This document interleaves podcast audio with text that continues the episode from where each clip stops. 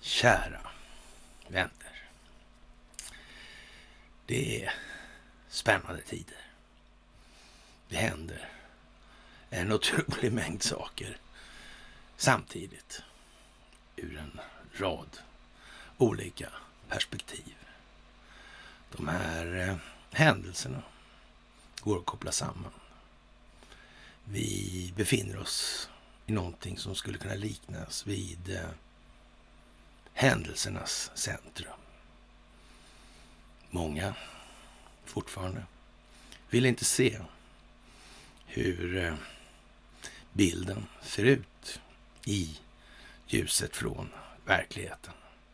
Men för de som lägger lite energi på att analysera, ja, då blir det hela uppenbart.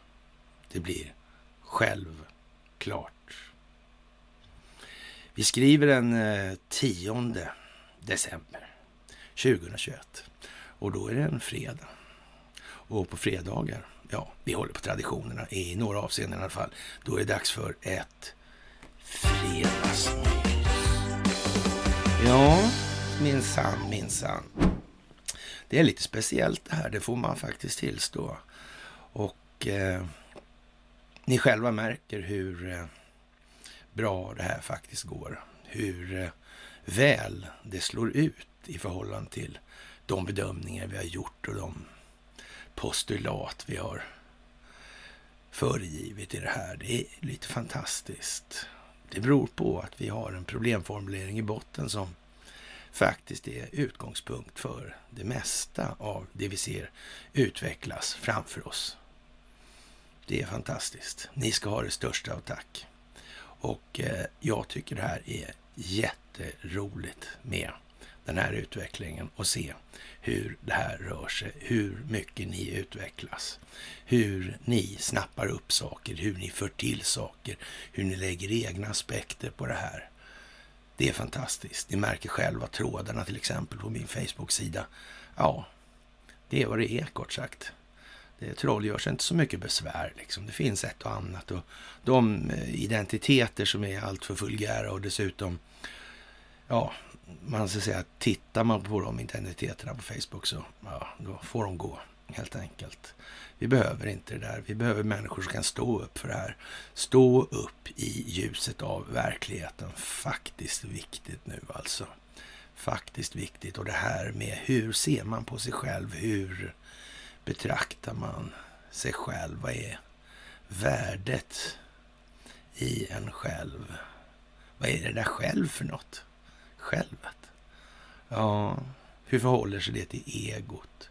De här frågorna, de mer filosofiskt betingade grunderna till varför man resonerar som man gör. De leder till de känslogrundande värderingarna. Är det viktigt att de utvecklas? Kan man utvecklas som individ utan att släppa sina känslogrundande värderingar? Det blir svårt med det, blir svårt med det. Det är många saker på olika håll som kommer spela roll naturligtvis. Och vi har ju sagt då att Ukraina kommer vara en nyckelgrej och det kanske ingen har missat att det håller på att bli en sån nyckelgrej. Och det finns en rad andra omständigheter som inte vi har redovisat än, eller som inte jag har redovisat än, som faktiskt kommer att visa sig vara helt avgörande i de här sammanhangen. Och det är helt säkert så att det här är planerat. Helt jävla säkert är det på så vis. Det är till och med så när Jakob Wallenberg tog emot sin hederslegion så var det inte med glädje i ögonen. Det kan vi faktiskt vara helt säkra på skulle jag säga. Ja, fast å andra sidan så kanske han har en del annat dåligt att tänka på också. Man får ju glädjas åt det lilla här i tillvaron ibland. Så kan det vara också om man vill vara lite fräck kanske. Och det ska man vara så här på fredagar, för då är det snart jul och när det lackar mot jul, ja, då ska vi vara snälla. Som vi alla vet när det gäller svensken och vår duviska kultur helt enkelt. Är det någon som har hört talas om stridsduvor? Nej, det är inte det va? Det är inte det. Men eh, räddhågset och girigt och undfallande och ja, överhetsskyggt kanske man skulle kunna dra till med också om man vill. Ja, det här med vårat system som vi har, det har ju vi pratat mycket om och vi kommer komma tillbaka. Det här blir en underbar tid. Och jag vet inte om man ska säga så här att även om det kanske blir lite ja, eh, eh, ett visst lidande och sådana här grejer och en hel del människor blir jävligt oroliga. Men, men å andra sidan så är jag faktiskt rätt säker på att många nu kommer att finna en eh, alltså ett större lugn inom sig själva i och med att de har en chans att se lite in i sin palantir själva, alltså sin ja, kristallkula eller vad jag ska kalla det för då. Och eh, alltså alla sådana här eh, ja, dimensionsmänniskor och galaktiska råd slänger i väggen via kristallkula. Du behöver inte hålla på med tarotkort. Vi har något mycket fräckare. Ja, om vi ska vara lite åt det hållet också. Och det ska vi vara alltså. Vi ska faktiskt hålla lite nivå på det här i den meningen att vi kan faktiskt förmå oss att kritisera även oss själva i det här. Inte alltid så jävla begåvat, ja, sett över historien i vart fall. Och mycket kommer ju att handla om det här. Vad, vad, vad är det här för rättssystem vi har här i Sverige? Vad, vad gjorde den där figuren Robert O'Brien här och, och vad är det man ja, vad är det man siktar på egentligen? Och är Sverige korrumperat? Och det börjar dyka upp en massa uppgifter kring de här sakerna. Hur är det där? Och är det här med pedofilverksamhet och hållhaksverksamhet, utpressning, underrättelsetjänster och så vidare. Vad är det här för någonting? Är, är det någonting som är institutionaliserat på något vis här i Sverige? Förekommer det ens här i Sverige? Eller hur är det egentligen med det där? Och det här med valfusk, liksom, det har ju vi aldrig haft någon fälld för något större valfusk i det här landet. Det förekommer kanske inte ens då i så mått. Och... Ja, det skulle ju vara för jävligt om det dök upp till exempel att det var valfusk i både Myanmar och Tyskland. Det skulle bli verkligen tråkigt. Och för det är ju inte sådär jättesvårt att hitta kopplingar som i alla fall gör gällande att det där behöver ju inte liksom vara helt isolerat ifrån Sverige. Så kan man väl säga lite snällt kanske. Möjligen. Det är inte så svårt att hitta Carl Bildt i de här sammanhangen. Det är inte så svårt att hitta ja, Atlantic Council och det är inte så svårt att hitta Brookings och det är inte så svårt att hitta ja, George Soros. Alltså, det är inte så svårt att hitta någonting faktiskt. Det är inte så svårt att hitta telekominfrastrukturen. Det är inte så svårt faktiskt. Mm. Ja, om vi tar Tyskland då till exempel så har vi pratat om den här Olaf Scholz då som nu är förbundskansler och nu är det ju så att säga klart i den delen då. Och då innebär väl det att eh, ja, nu kommer saker att rullas upp ordentligt. Och när i takt med att Olaf blev eh, förbundskansler så hände det saker parallellt. Vad hände då? Jo, Magdalena Andersson avgick idag. Det kommer vi tillbaka till. Från det här högsta rådgivande organet inom IMF. Mm -hmm. De kände varandra kanske? Nej. Jo, det gjorde de ja. Det gjorde de ja. Det, gjorde de, ja. Mm, mm. det ser nästan ut eh, som att det är lite predestinerat eller förutbestämt då. Vem det är som ska stå i skitgropen och skotta sig neråt. Kan det vara så? Vi får se. Valfusk kommer att komma upp. Det kommer att komma upp gällande USA. Mycket mer. Det är bromsat nu. Man koordinerar det här noga. Saker kommer när det ska komma för att ge bäst verkningsgrad i målet. Alltså publiken.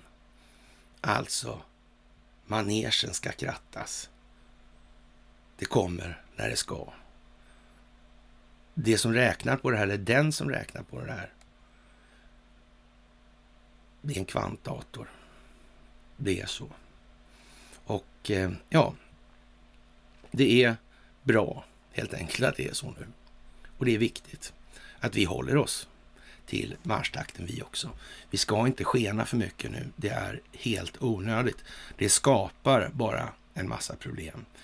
Vi har ju sagt hur mycket som helst egentligen som vi kanske inte borde ha sagt då ur det perspektivet. Men någonstans har vi ändå förbehållit oss att vi har ju så att säga lidit så pass mycket eftersom vi har suttit mitt i det här skiten och bara har den typ värsta hjärntvätten där här skickar man iväg halva befolkningen för att bli av med dem, de handlingskraftiga. Så där, sen fick man resten kvar då, då i en eller annan mening. Och det fanns väl någon sture hit och dit, men en hel del av de här låstes väl in också på olika hem då som hade egna församlingar och sen försvann de helt enkelt. Och det har ju varit en massa sån här systematiserad galenskap mer eller mindre. Och som sagt, en snäll och lydig befolkning. Det har ju varit själva poängen i sammanhanget hela tiden. Och eh, jaha, det här med olika, eh, vad ska man säga, konglomerat. Det är ju inte så många olika konglomerat. Det är ett jävla konglomerat hela tiden. Och eh, när man i då Dagens Industri satte in den här annonsen och grattis till nya jobbet Karl Petter då. Så ja, man får väl säga så här. Det är många som missuppfattar det där och tror att det är inställsamt smicker.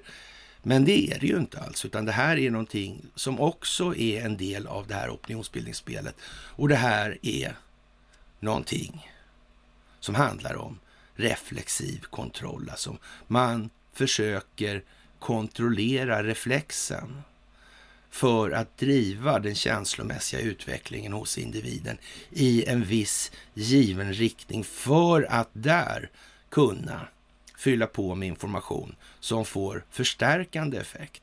Så om man önskar Karl Petter grattis till nya jobbet till exempel, då kommer ju många tycka vad fan. Och nu kan man säga så här, när man har fått en sån där liten reklamdänga insatt i DI, då är det risk att Karl Petter får någonting annat från annat håll inom kort. Som ger alla människor som blir varga vatten på sin kvarn och drar med sig en hel del nya naturligtvis i det här. Så gör man när man tar upp farten på det här hela tiden. Man måste tänka på att det här är först och främst en övning eller ett spel, strategiskt och taktiskt, med reflexiv kontroll som metod. Så är det. Och det gäller ju som sagt att ta det här i delar. Det går inte i för stora delar. Det är helt omöjligt. Den kognitiva dissonansen slår till och blir inte bara nödbroms, det blir alltså, ja, bergskilar som slås ner helt enkelt. Det går inte, det tar tvärstopp. Om det blir för mycket. Man måste äta elefanten i lagom delar, en tugga i taget. Det är viktigt att komma ihåg här alltså. Och eh, vi har haft en ukrainsk dödspatrull gripen i Norrtälje, skriver Aftonbladet. Det tog vi upp förra gången också, har för mig. Och eh, ja, vad är det här för någonting egentligen? Skräckporr? Eller vad är det? Är det så att eh, svenska underrättelsetjänsterna klarar av att göra som de är åtsagda nu för första gången alltså? Mm. Kan det vara så? För normalt sett är den här typen av verksamhet någonting som svenska underrättelsetjänster faktiskt stödjer och håller på med. Men hur var det där med Donald Trumps son egentligen som vistades här i Sverige? Mm. Ja, han stod ju inte på taket på Hörningsholm och gapade och skrek. Det gjorde han ju inte, men eh, det var ju ändå rätt så anmärkningsvärt får man säga med de här uh, onda svinen. Eller hur? Det var lite gulligt. Ja, och viss optik också. ja, men vi ändå hade han ju som logga en stund där också, så vad fan liksom. Han hade Bergs hört talas om Hörningsholmen då alltså. Ja, det hade han Bergs gjort, ja. Ja, ja, Stella Polaris. Och som sagt, stort tack för att ni hänger på. Tack för gåvor på Swish och Patreon. Tack för att ni fördjupar er på karlnorberg.se och tack för att ni följer Telegramtjänsten. De här föreläsningarna är ju som sagt rätt väl sedda nu.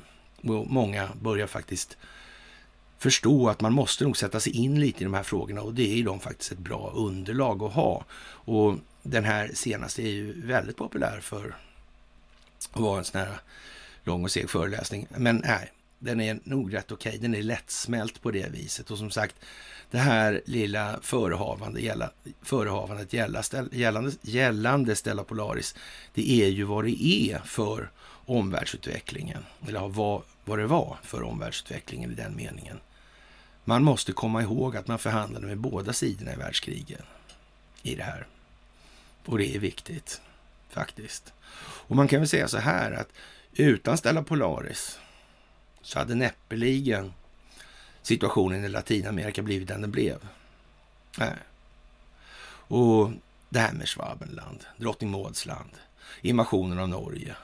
Hur gick det där till egentligen? Hur var det egentligen med den där ulven? Vad gjorde den egentligen? Doggerland, Doggers bankar. Vad är det där för något? Vad har det med historien att göra? Vad var NRB-projektet för något? Himmler var inblandad. Varför fanns det en avdelning som hette Sven Hedin-institutet där? Han Sven Hedin, skrev inte han Borggårdstalet? Det gjorde han kanske, va? Det kanske han gjorde. Var det Gustav V kanske? Ja, det var det. Mm. Det var ju konstigt. Ja, ja, ja. Han var idol hos Hitler också, den här Hedin-gubben. Ja. Och nära bekant med Himmler. Samma Himmler, Himmler som förhandlade med Hewitt via massören om avsätt Adolf Hitler. Det visste Abwehr. De hade avlyssnat det där. Hitler vågade inte göra något. Det skett sig big time kan man säga. I den här lilla övningen med Rudolf Hess. Winston Churchill hade sina lojaliteter någonstans. Var behöver vi kanske inte förtydliga. Mm. Det är lite mer, det är lite djupare, det är fler lager på löken. Det är inte fullt så enkelt som man vill att göra gällande, naturligtvis. Så är det. Och eh, ja, en dödspatrull låter väl dramatiskt, gör inte det? Men tänk om det här är planerat ändå, då, alltihop. Och man måste låta saker ha sin gång och spela ut sig för att kunna så att säga vidimera sina påståenden om vad det här är för någonting. Det hålls under sträng uppsikt. Det är planerat. Lite som eh, Charles-Ingvar Jönsson. In i minsta detalj. Ja, men så lite faktiskt. Lite så faktiskt, får man nog säga. Mm. Det är ju en liten historia det här får man säga. Det är en sån som händer varje vecka på den här planeten. Eller kanske inte alls. Ja, det är lite gny och gnäll över kineserna här och eh, det här med kinesiska staten som storägare i Göteborgsbolag. Det, det kom ju rullande då ganska så ordentligt. Då får man ju faktiskt tänka sig, Kina är väl inte en homogen entitet trots allt. Bara. Jag tror det har framgått. Det har varit lite korruptionsgrejer. Jag tror han, Xi Jinping, han sparkade en och annan militär där. Det första han gjorde i princip, noga räknat ungefär 300 000 stycken. Mm, det kan ju jämföras med de amerikanska arméstridskrafterna som är ungefär lika stora. I numerären alltså. Ja, det är lite speciellt det där om ett fåtal svenskar på ett brutalt vis lägger sig i Kinas an, inre angelägenheter. Är det inte det? Och den djupa staten finns i Kina. Undrar vilka det är som den djupa staten håller sig till då? Det verkar ju inte vara Xi Jinping i alla fall. Så det, man får nästan förutsätta att det är någon annan. Så. Intressant. Vilka kan det då möjligen vara? Den där tech-miljardärerna verkar ju så att säga misstänkt i allmänhet, men kanske till och med i synnerhet. Va? Och de bakom dem kanske, det här med Nasdaq och så vidare, skulle det kunna vara någonting i de här sammanhangen? Ja, det skulle det kunna vara faktiskt. Det skulle det kunna vara. Och eh, det här kommer vi tillbaka till och det är ju så, det blir lite snävare och snävare kurvorna nu. Och eh, nya restriktioner i Norge, alltså max 10 får samlas hemma och alkoholstopp då efter något visst klockslag där tidigt och bra då. Och det går ju inte det här med mindre än att förändringen kommer nerifrån. Alltså samhället kan bara utvecklas om individen utvecklas. På, så det är på den nivån. Och, och det här måste föras den vägen. Det går inte, bara det. Och, och, och de här som lallar runt nu och, och, och, tycker att det ska vara väpnad revolution och vi måste resa oss och hej och hå. Ja, ja, man kan väl säga så här att i, i, i någon mån så det har ju någon bäring på verkligheten, men inte alls på det sättet som de tycks tro i alla fall. Men är det så att man har liksom en, en, en totalbild måste man i princip ha då över vad, vad som är, gäller och, och så att säga, gällande omständigheter i sak. Och, och så att säga, föra de analytiska resonemang som krävs för att kunna dra slutsatser som i alla fall har någon form av relevans till verkligheten. Ja, då, då blir det ju där lite tokigt liksom. Det är ju många som tycker då en massa saker nu om olika företeelser och hej och hå. Men det där, det är ju något helt otroligt naivt helt enkelt. De där resonemangen, det är bara så. Att, att ställa sig upp nu, vi snackar alltså en, i en övervakningssituation alltså. Det, gäller är en teknologisk utvecklingssituation i samhället som saknar motstycke i den mänskliga historien. Det har aldrig funnits ett tillfälle tidigare då de som sitter på kontrollen över telekominfrastrukturen har haft så stor insyn i människors göranden och låtande. Det är de här datorerna som räknar ut de här preferenskartorna per individ alltså. Ja, ni har ju uppenbarligen, vi har ju uppenbarligen riktad reklam i så mått och det speglar ju våra preferenskartor. Alltså man får inte vara dum i huvudet här nu inte. Och, och springa runt och dela handskrivna blad och kopi, kopior på det och, och säga att nu ska vi göra si och nu ska vi göra så. Jag menar, det där är ju, jag vet inte vad. Och, det, och sen lite grann med de här olika, vad ska jag säga, som ja, tillmäter sig någon juridisk skolning eller bildning sådär som, ja, kanske inte nödvändigtvis har skrikit lungorna ur sig tidigare och varför inte? Vi måste ju ändå acceptera någonstans, precis som Robert O'Brien säger, det här handlar om det svenska rättssystemet.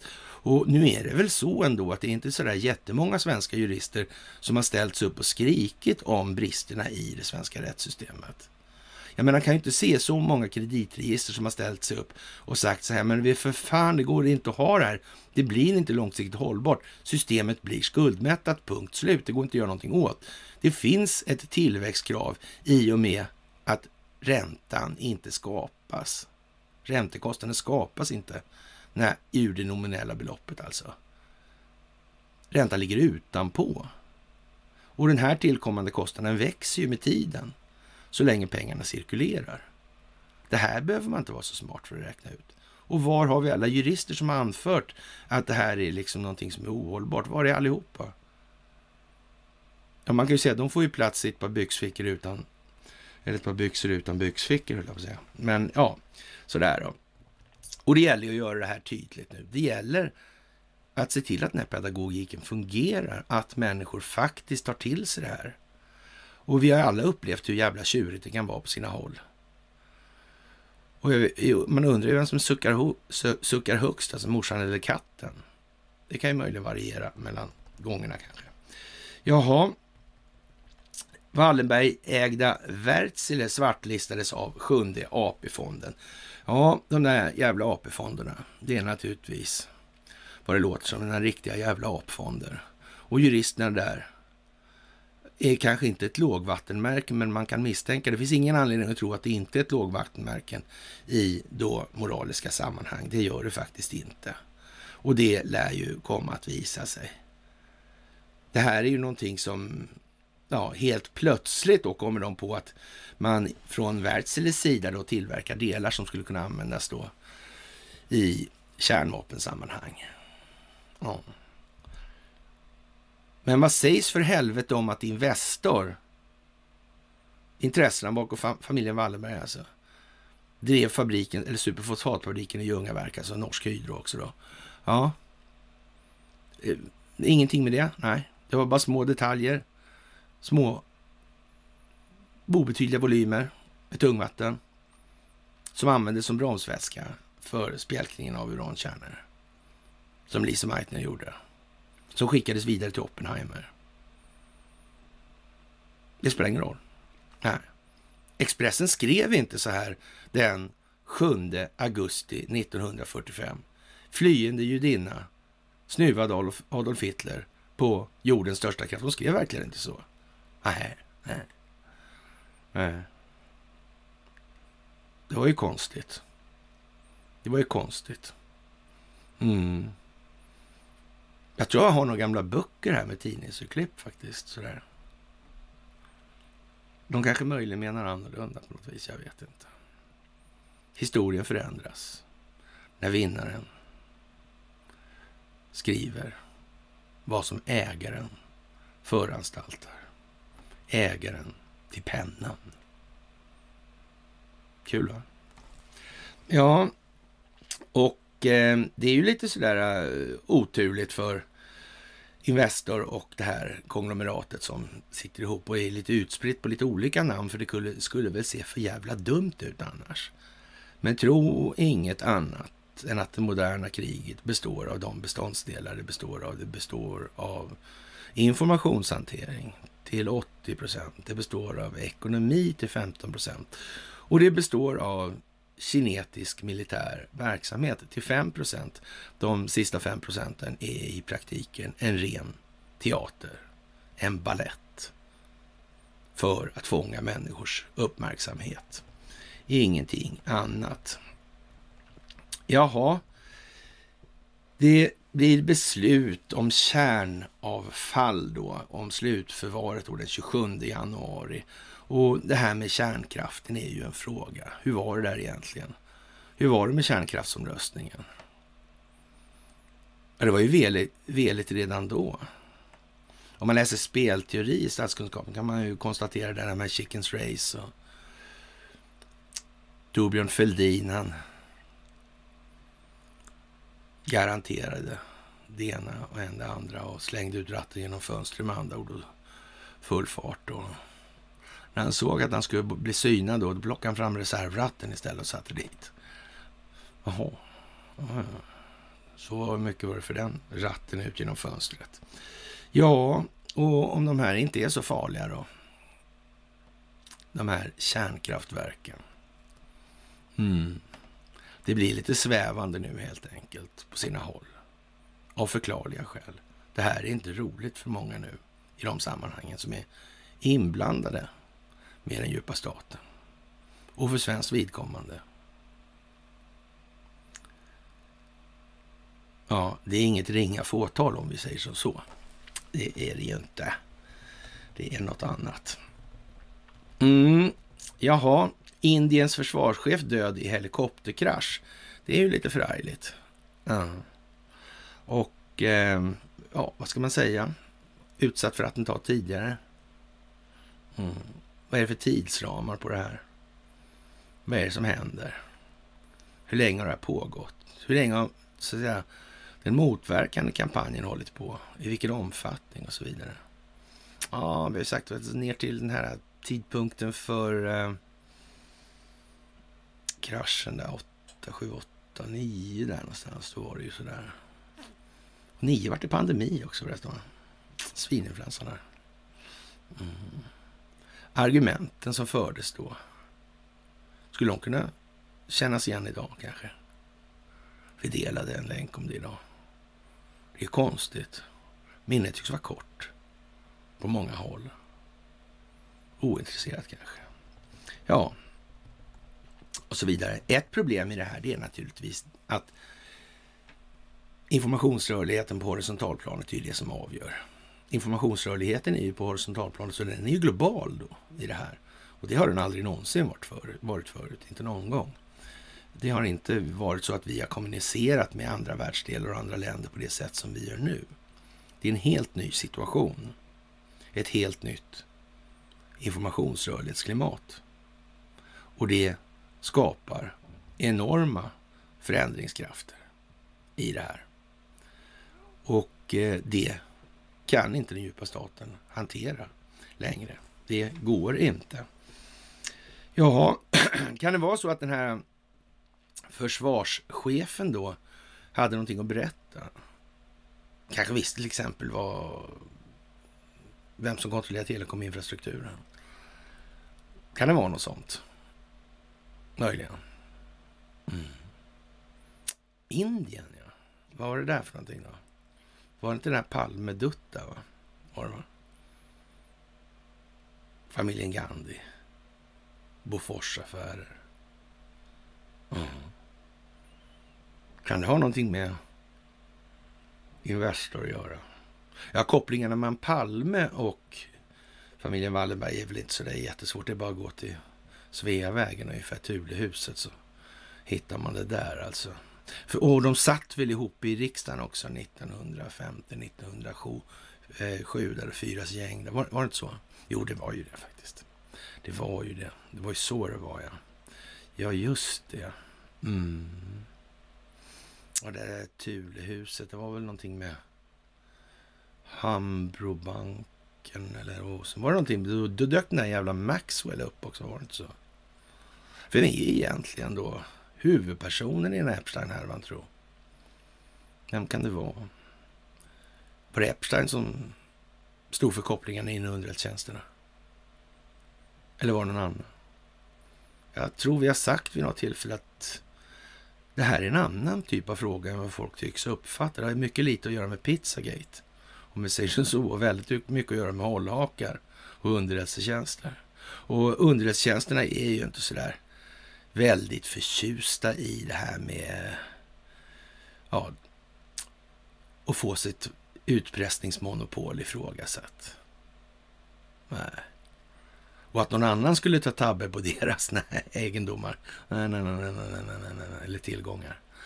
Nej, det går inte för sig. Det går inte för sig. Det gör inte det.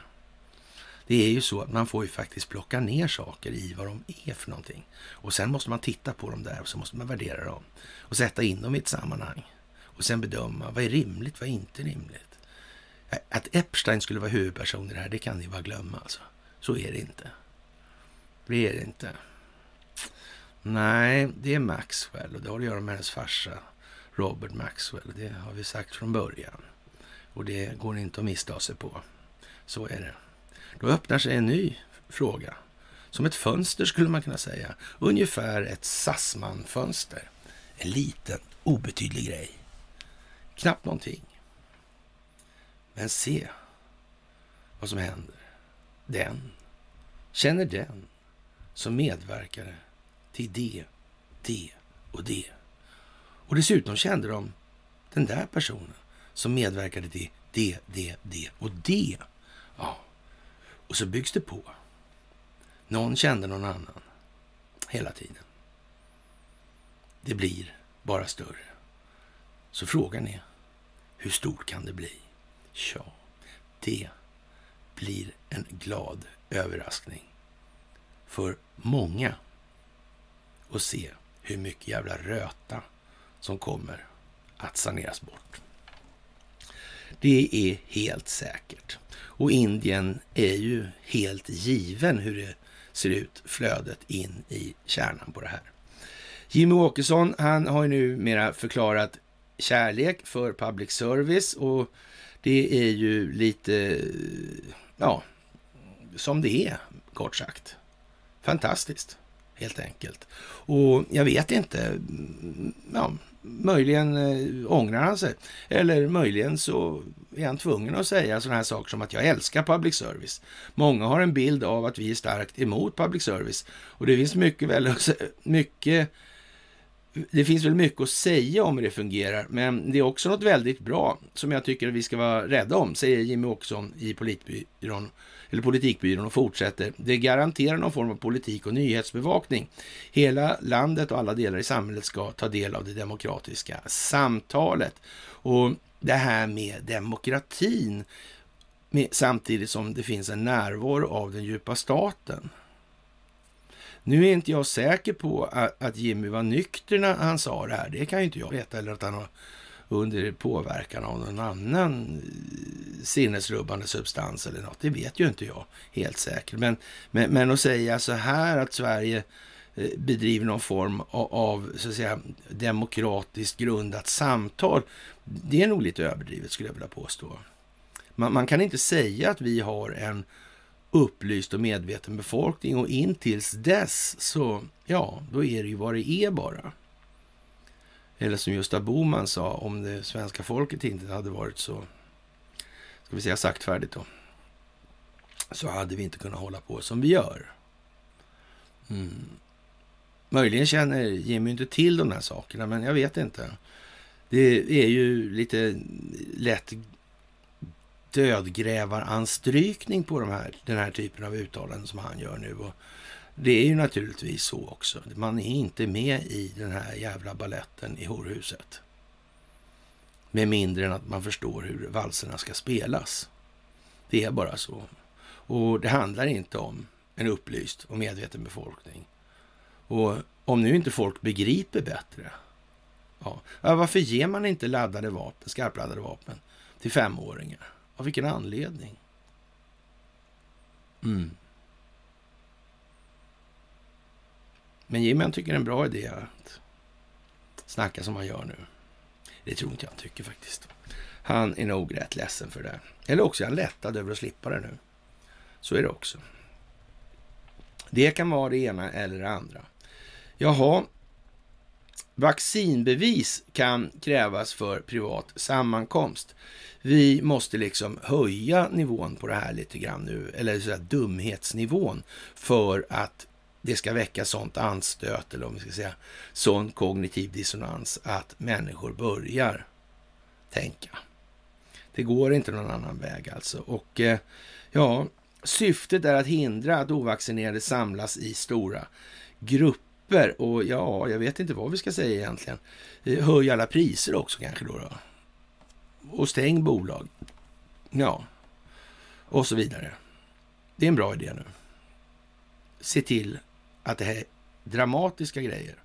Men samtidigt är det ju också så här, det är ju ingen idé att få folk helt galna och känslostyrda.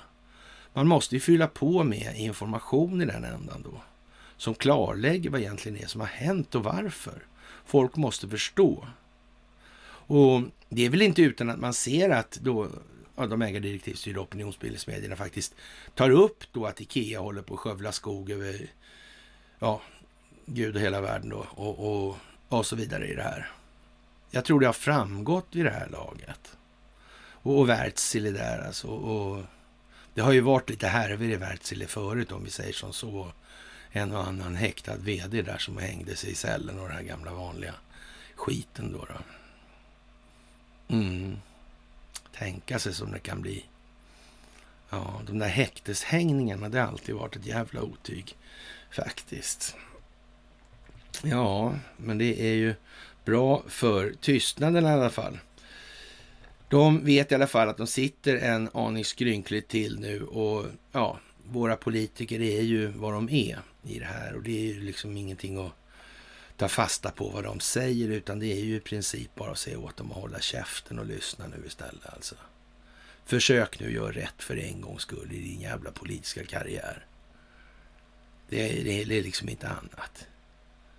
Det här är ju, det är ju snart ingen som tror på det här. Och ja, men tittar vi på den här jävla covidiotin då. Ja, nu är det helt uppenbart att de har förfalskat all statistik, all statistik som går att förfalska och testerna funkar inte. Vilket i sin tur implicit innebär att då har de inga underlag överhuvudtaget. Vad är det för jävla statistik på grundar sig på tester som inte fungerar? Vad är det för dumheter? Men det är tyvärr på den nivån som man måste börja de här pedagogiska övningarna. Alltså. Det är svårt för folk att förstå att utan några tester som säkerställer ett utfall då liksom och, och så att säga som är acceptabelt logiskt resonemangsmässigt. Då, ja, men då är det ju inte värt något att samla ihop alla de här uppgifterna för att göra vad då för någonting? Ja, men snacka om masserad statistik alltså. Det är vad man kallar målsökande statistik. Och det här är ju liksom kanske jordens mest flagranta exempel på, säger man som svensk då, liksom, att ta stilla, nu sa jag nog lite för mycket. Det har nog förekommit förr i det här landet. Central, vänta, Statistiska centralbyrån, var ligger det någonstans? Ah, Garnisonen, Karlavägen 100. Ja, ja, ja, ja, ja, nära tv-huset, ja. Ja, ja, ja, ja, ja. Och, och tv-huset pra, TV pratar ofta om SCB. Ja. Ja, samma konstklubb har de också, va? Eller hade förr. Mm, på, ja, slutet på 70-talet, början på 80 Var det inte så? Mm. Fint, fint, fint, fint. Ja, som sagt, det här med målsökande statistik då. Det är ju störtlöjligt. Det är ju bara det och ingenting annat. Och det där blir uppenbarligen lite för svårt för folk. Och idag kommer Greta Thunberg till Sundsvall och deltar i en demonstration. Och med avseende på det här då med att man ska så att säga ha vaccinbevis för privat sammankomst då. Det kan man ju tycka är lite sådär, äh, ja, men ska de slå på Greta nu då? Kommer det här uh, tunga gardet alltså? Typ snudd på insatsstyrkan. Mm. Är det kravallutrustat? Som kommer för att stämma i bäcken ordentligt?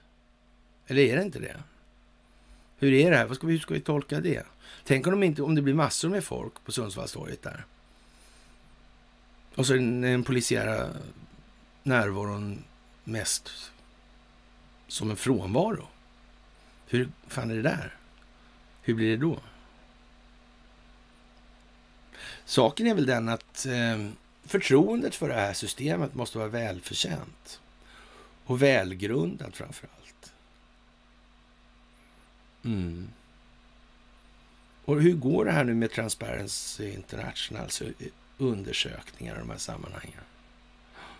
Vi kommer tillbaka till det. Vi kommer tillbaka till det i den här mysstunden. Ja, Greta som sagt, hon har väl inga covid-10-begränsningar då, eller så blir det ju som det blir.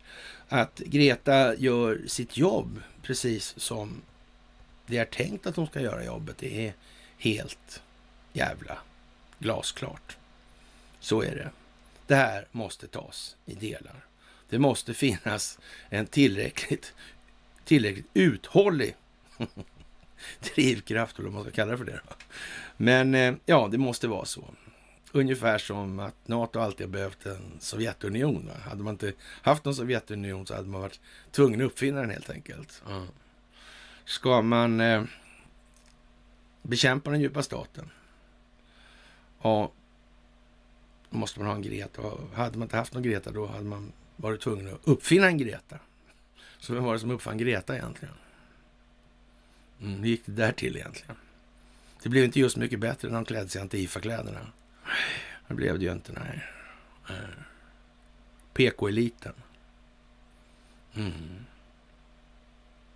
Vad är det där för något egentligen? Man måste dessutom ta ifrån människor deras helgon. Det finns inget bättre än att ha Madonna på sin sida i det här läget. Det kommer finnas många ungdomar som håller faktiskt med Greta, oavsett vad hon får ur käften. Mm. Faktiskt, så enkelt är det. Jaha. Ryssland blockerar Tor alltså. Och det där är ju lite eh, udda. Om man skriver i till då att det här är ju så att säga någonting som är uppbackat av Pentagon då för att hålla på med det här Darknet. Det verkar ju fantastiskt. Och det var lite grann som i början när det där kom. Och byt till Tor och såna här grejer.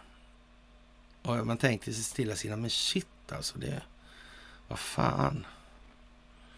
Eh, liksom, kom igen nu. Vad, vad tror de liksom? Att telekominfrastrukturen är liksom någon... Man vet inte vad. Ungefär som det där med bitcoin liksom. Jaha. Men funkar det jävligt bra utan telekominfrastruktur? Gör det det? Ja, men de kan inte spåra det i alla fall. Nej, det kan de här säkert inte. Nej, det är ospårbara signaler som går i nätet. Eller så är det ju inte det. Nej, jag tror faktiskt så här.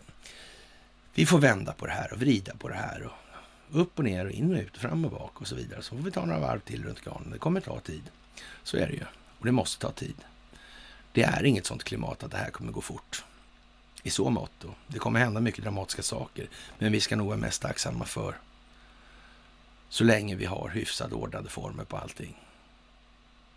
För all den stund det kommer till fysiskt våld så är det faktiskt en jävla skillnad på reguljära enheter och några checka frilansande människor utan militärskolning. Det är bara så. Det är olika saker. Synnerligen ojämnt helt enkelt. Och det får man faktiskt av minnas nu. Det här är liksom rätt så allvarligt det vi befinner oss i nu. Och eh, man vill inte från den sida som bekämpar den djupa staten ha en massa onödig friktion. Det är helt säkert. Det här är planerat. Så är det. Och som tur är så har ju Hultqvist slutit massor med bilaterala försvarsavtal. Vad ska det vara bra för? Han har till och med gått mot Margots vilja. Vi förlåter er aldrig som Margot. man ska inte ha folkomröstningar om man inte har förberett sig noga som Margot. Vad menar hon med det? Ja, ja, ja. ja, ja, ja, ja, ja. Förlåter er aldrig. Vem var det som sa att det här var den sämsta arbetsdagen i hans yrkesliv? Var det? Ja, det var samma gäng liksom på något vis där. Mm -hmm. Ja, men det kan ju vara bra att minnas i det här läget. Men nu har alltså Hultqvist slutit ett litet försvarsavtal. Och det var inte så att Sverige skulle bevaka eller göra någonting på engelsk mark. Det var liksom aldrig frågan. Av någon anledning. Nej, nej. kan ju vara bra att tänka på kanske. I det här läget. Ja, det är mycket saker att tänka på nu. Och eh, man har i eh, USA då en, gjort sådana här Marcus Oskarsson-undersökningar och konstaterar att det eh, blev inte som man hade tänkt sig. Men nu är det ju så naturligtvis att eh, det är någon som har tänkt på att det ska bli så att det ser ut som att det inte blev som man tänkte sig. Helt enkelt. Ungefär när Marcus har då han har ställt någon sån här fin fråga som han ställer då. Liksom. Det, tycker du att det är jättebra med vaccinpass? Liksom? Och då då är det 97 procent bara nej för helvete din dumma jävel. De har fått 97 procent av rösterna, sen är det 0,2 procent då i andra delen då som tycker jag var en bra idé och då ändrar man då. Men det här är ju alldeles för uppenbart såklart. Alltså det här är ju gjort för att folk ska se det just för vad det är i så mått. Och folk ska reagera, folk ska ta de här skärmdumparna och, och liksom bli lite mer noggranna i hanteringen av information som sen ska vidare kommuniceras. Det är ju liksom ett pedagogiskt exempel, ett, ja, ett folkbildningsprojekt som vi har sagt. Eh, eller kanske inte sagt någon gång förresten. Jag tror Ja, men ja, jag vet inte. Skicka ett mess om det är någon, någon, någon, som kommer ihåg att jag inte har sagt alltså. Skicka, du behöver inte skicka mess annars. Alla som kommer ihåg det behöver inte jag. Nej, Jaha, dömd människohandlare greps av lokal polis i Gamleby. Vän av ordning undrar ju någonstans i det här att eh, Ja, Gamleby, ja, det, det, det är ju en känd ort sådär. Man, man liksom hör ofta talas om den och det här är ju lite festligt faktiskt. Av en slump upptäcktes mannen av en polispatrull i Gamleby under måndagskvällen. Enligt Västervikstidningen ska polispatrullen upptäckt en bil som körde vingligt och bestämde sig för att stanna bilen då.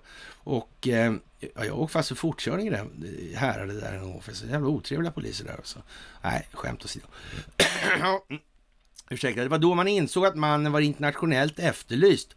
Han greps vid ja, 10 i 11 tiden eller ja, 22.50 då, enligt häktningsframställan och anhölls vid 02-tiden natten mot tisdag. Mannen har transporterats till Kalmar. Under onsdagen begärde mannen, begärdes mannen häktad i väntan på utredning. Det finns en europeisk arresteringsorder då. Så, aha, mm, visst, han är efterlyst kanske snarare då. Så här, och ska frihetsberövas på mannen och Grekland vill att mannen ska bli utlämnad dit. Ja, det här med Interpol och den verksamheten har vi ju faktiskt också kanske nämnt i, i förbifarten med något enstaka tillfälle. Och som sagt, det är alltid trevligt att kolla på Interpolcheferna och den här ständige ordförande för, Eh, eller ständige hedersordförande då, i de här sammanhangen. Han kan en del om sån här människosmuggling och, och sådana saker då som berör tullverk och sånt till exempel då.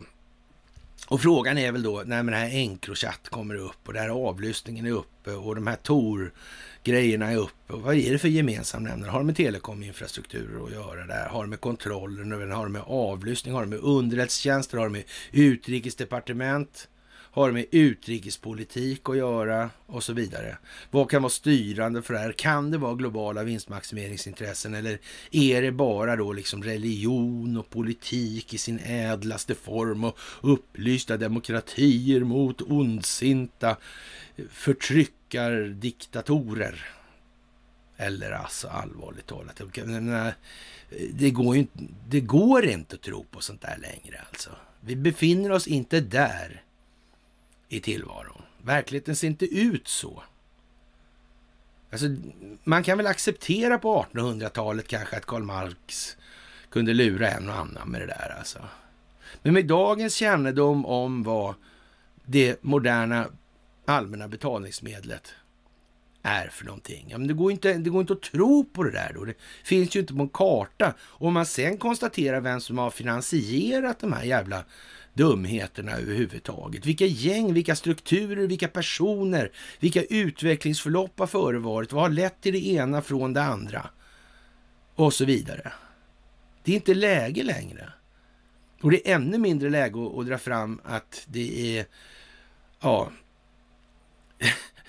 det är riddarna på Malta liksom. Eller någon annan sån där liga liksom. Nej, det är inte det. Det är enskilda vinstmaximeringsintressen. Punkt slut. Ja. Till och med vikingarna var handelsresande och skojare och mördare och dråpare och så vidare. Ja. Gick det inte att röva skiten, då fick man handla. Kunde man ta det utan att betala, då gjorde man det. Det var vad det handlade om företrädesvis i lönndom. Ja, är det svårt att förstå? Man ville tjäna så mycket som möjligt. Det var därför man gick, gav sig ut och reste. Ja, det är inte så svårt att fatta. Nej, faktiskt inte. Ja, Oro att Brasilien blir fristad för antivaxare efter Bolsonaros utspel. Och jag vet inte, på temat kolonier och vad som styr det moderna kriget tror jag var och en klarar att göra en Kalle Blomqvist där på Brasilien. Och det är i full hand naturligtvis alltså. Det är ju bara så. Det är bara så. Och eh, ja, han får medhåll av sin hälsominister som menar att man inte kan tvinga någon att vaccinera sig. Ministern däremot vill däremot införa ett krav på fem dagars karantän för turister. Efter den här karantänen gör besökaren ett test. Om det är negativt kan turisterna gå ut och njuta av vårt stora lands alla skönheter, sa hälsoministern Marcelo Queiroga. Vem som ska se till att turisterna, turisterna sköter sin femdagarskarantän har regeringen ännu inte bestämt, vilket öppnar för missbruk av regeln. Även grannlandet Uruguay överväger att hålla sina gränser öppna för turister under jul och nyårshelgerna. Vår huvudsakliga marknad är Argentina, sa Uruguays turistminister Vieira och eh, under en turistmässa i Buenos Aires i helgen. Chile har infört de hårdaste reglerna i Sydamerika. Det är ju lite speciellt här naturligtvis. Och eh, i en särskild app har skapats där besökaren en månad i förväg måste ladda ner QR-koder från sina båda vaccinationstillfällen. Endast EUs vaccinpass godkänns inte. Alltså. Men det är jättefint det där med de här vaccinpassen om man ändå, om man ändå inte kan resa med dem. Vad säger det här för någonting? Vad är det här för någonting? Att det är inkonsekvent logik, det kan man ju fan se i alla fall. Det kan alla se. Men vad är då syftet med det här när alla ser det?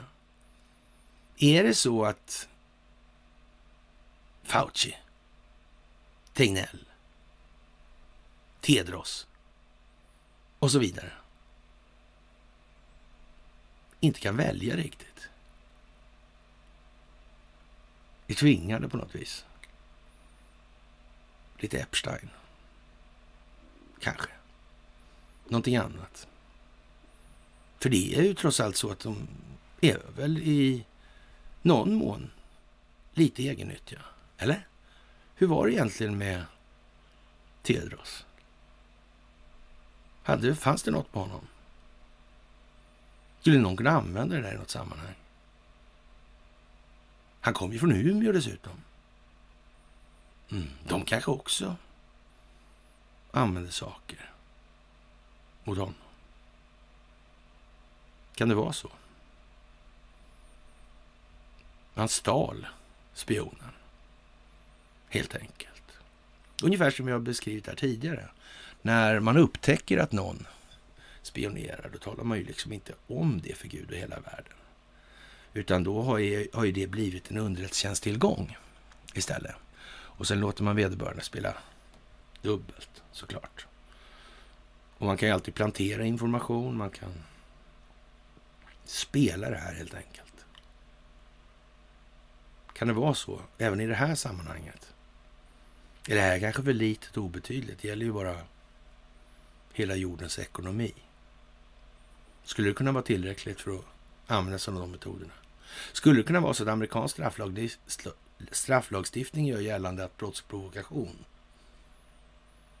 det blir lite ändamålet helga medlen med påföljderna där då. Mm. Det behöver kan vara större. Det tror jag inte. Ja, och när det gäller Chile, när det gäller Sydamerika, vad är det här för någonting egentligen? Hur var, det, hur var upplägget här? Hur var det med det här bak till nazismen? Vad tog de vägen de där typerna alltså? Mm. Det var mycket pojkarna från Brasilien vi pratade om. Vi pratade om genetik i det här sammanhanget.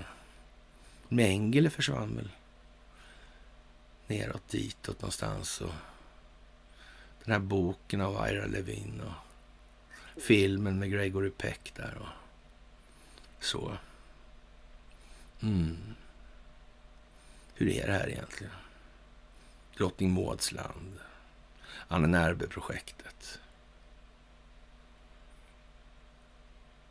Resanden, ja, upptäcktsresande Hedin. Mm. Var gick de tidiga expeditionerna när projektet någonstans? Ingick kanske till exempel kärnvapenforskning i det projektet? Var det ett litet projekt? Var det ett stort projekt? Försvann? Vad tog alla grejerna vägen? Det var ju ett enormt projekt det här. Vad tog alla saker och sånt vägen? Tiden för Schwabenland. Hon hette så båten. Ungefär som Schwab. Mm. Som för övrigt sa att eh, Next stop Antarktis. Eller Antarktika. Antiarktis. Ja. Vi får tjata lite på det där tror jag. Vi har en känsla av att det kan bli viktigt. Faktiskt. Det plägar bli så när vi känner så. Faktiskt.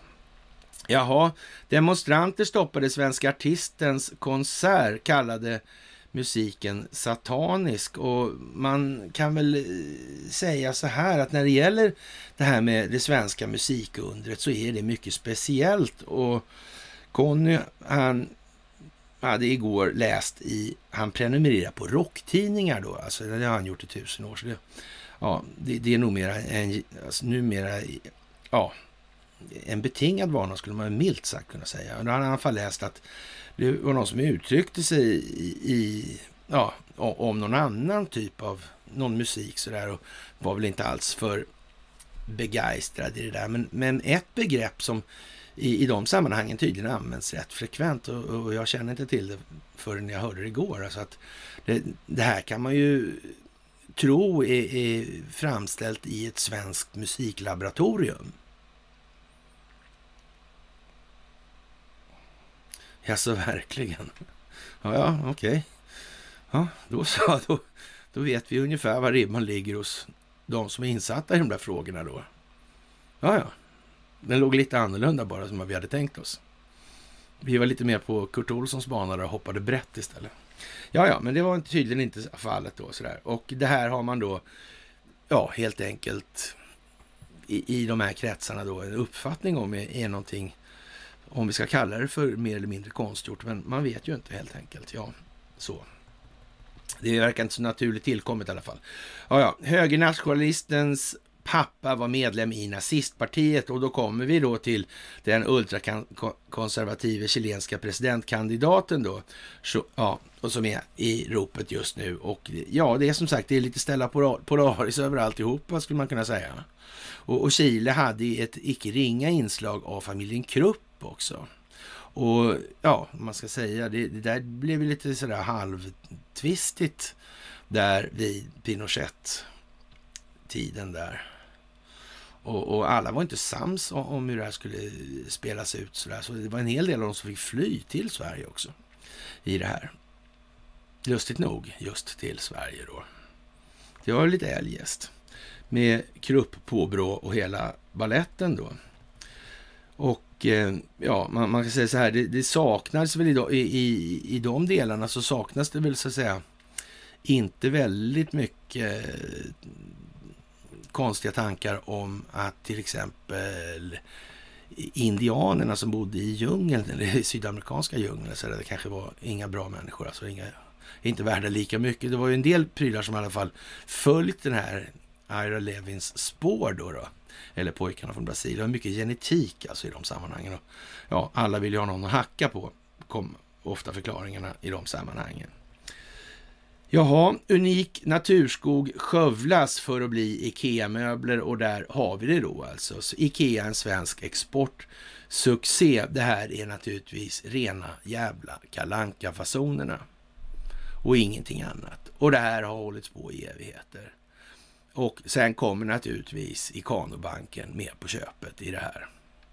Och sen tillverk, lägger man tillverkning på strategiska platser och ser till att hålla igen på andra saker. För det är också så att där Ikea dyker upp, där finns det telefoner. Och det finns kraftförsörjning. Tro inget annat. Tro ingenting annat. Mm. Och sen växer det här. Sen finns det både banker, telefoner, kraftförsörjning och för all det finns säkert gruvindustri och, och det här gamla vanliga också. Och så har det hållit på hur länge som helst. Ja, och det kan man ju tycka är bra eller så kan man tycka det är dåligt. Någonting som är originellt i alla fall, det är att man fuskar på skönhetstävlingarna i Saudiarabien för kameler då. Man använder botox på kamelerna och det här är lite sådär ah, lattjo på något sätt. Och man kan väl säga så här att i den här kroppsbyggningsvärlden så har man en, en förbläss sedan ett antal år tillbaka då man skrattade åt de här jävla dårarna som höll på med syntol då och körde i sig. Och ja, för övrigt fanns det redan fanns ju fan på 80-talet alltså den här Esiklene som, start, som skapade inflammationstillstånd som man injicerade för att få musklerna att bli större. Det var väl inte såna, någon sån större hit om man skulle hålla på med prestationsidrott, men det blev ju man blev ju större i alla fall då, tyckte många kroppsbyggare, så det var ju värt då, någonting. Och, och, och, men nu, sen kom ju på det här med, med att hålla på med, med ja, Restylan och Botox och det här. Det, det blev lite kostsamt att bygga upp sig på det viset kan man tänka sig. Och, och kanske inte sådär jävla hälsamt. Eller så det kom ju den här jävla syntolen då. då. Och, och, men nu har det ju gått så långt så då det är ju... Ja, Alltså hälso, ohälsotalen verkar vara påfallande höga hos människor som är i den svängen just faktiskt. Och, och det är naturligtvis så att många tycker att det måste vara vaxet då som gör det. Jag är, förhåller mig försiktigt eller återhållsamt entusiastisk till den typen av resonemang. Jag tror att, här, jag tror att den här syntolen är värre faktiskt. Jag tror att det är inte någon jävla höjdare alltså. Det låter lite som hydraulolja det där faktiskt. Ja, faktiskt, det gör ju det. Ja, hur som helst, här påstår man att du har botox i kamelerna då för de ska snyfsa till sig, eller snygga till sig här då. då. Och det jag vet inte, om en kamel blir eh, snygg och sådär. Nu är inte jag säker på vad som är en ful kamel eller vad som är en snygg kamel. För mig är det bara en kamel liksom sådär. Och, ja. Men det är klart att det finns ju människor som tycker att det där är... Och, och just det här med utställningsvarianter och överhuvudtaget då. Det där blir konstigt det blir lite konstigt. Det kanske är bra att det är konstigt nu. Det kanske är bra att det blir konstigt nu. Att folk börjar fundera på det här. Mm. Och, och, det är klart att i svenska medier då, med Aftonbladet skriver kamelfusk avslöjat på skönhetstävling, använder botox. Ja, hur, hur blir liksom reaktionen på det? Och så kommer vi tillbaka till reflexiva. Blir Ja, det är rätt många som tycker, vilka jävla idioter liksom. Jävla djurplågeri, helt enkelt. Mm. Ja, men det gör väl ingenting. Det är ju liksom bara lite botox. Det är väl okej. Okay. Det vet väl inte du liksom. Det kan ju vara hur jävla farligt och dumt som helst. Det är, fan vet man ju knappt alltså. Det är ju alltså botulinumtoxin eller botulism. Det är ju inte sådär någonting man skämtar om direkt liksom. På det viset. Nu vet man väl inte hur det slår. Eh, ja, och så vidare. Ja, men det är många människor som tar det här så det kan inte vara så farligt. Mm. Kan det vara så? Kan det vara menat att tänka till här? Jag tror faktiskt att det kan vara en rätt så stor anledning till eftertanke. Fyndet i bilden, drottningens okända tavla med barnbarnsbarnen, kan vi se då drottning Elisabeth och hon uppvisar naturligtvis en hållning som är eh, eh, långt mindre än önskvärd då skulle man kunna säga sådär. Och det kan man säga, jag vet inte varför man har eh, tagit upp det där på det viset riktigt. N när eh, det här åldrandet är åldrandet alltså. Men, men man, man, kan väl säga så här, hon hade kunnat sköta överryggen bättre. Det är alldeles säkert helt enkelt. Alltså, den här förtviningen av muskler som hon har, den, det liksom gynnar ingenting. Det stänger av rätt mycket nervsignaler och det blir rätt mycket följder av det där. Alltså det rent biomekaniskt och funktionsmässigt i kroppen. När man så att säga musklerna förtvinar den utsträckningen då. Det är ingen höjdare helt enkelt. Och det, det är också märkligt det här att inte det... Hur, hur, kom, hur försvann allt det där egentligen? Vad tog det vägen? Är det någon, gjordes det med flit att man suddade på något vis? Förr i tiden, då, man ska säga på 50-talet, då förstod man ju rätt mycket om det här med balansen runt leder och sånt där. Det där är konstigt. Det där, men där kommer vi tillbaka. Jag har dragit mig i det längsta för att börja hålla på med det där igen. Alltså. Ja, jag har lagt något decennium på det också, eller ett par stycken, flera till och med, sådär, mång, många år helt enkelt. Ja, den här okända tavlan med barnbarnen då, alltså det där är konstiga grejer. Det kommer komma fram en massa saker.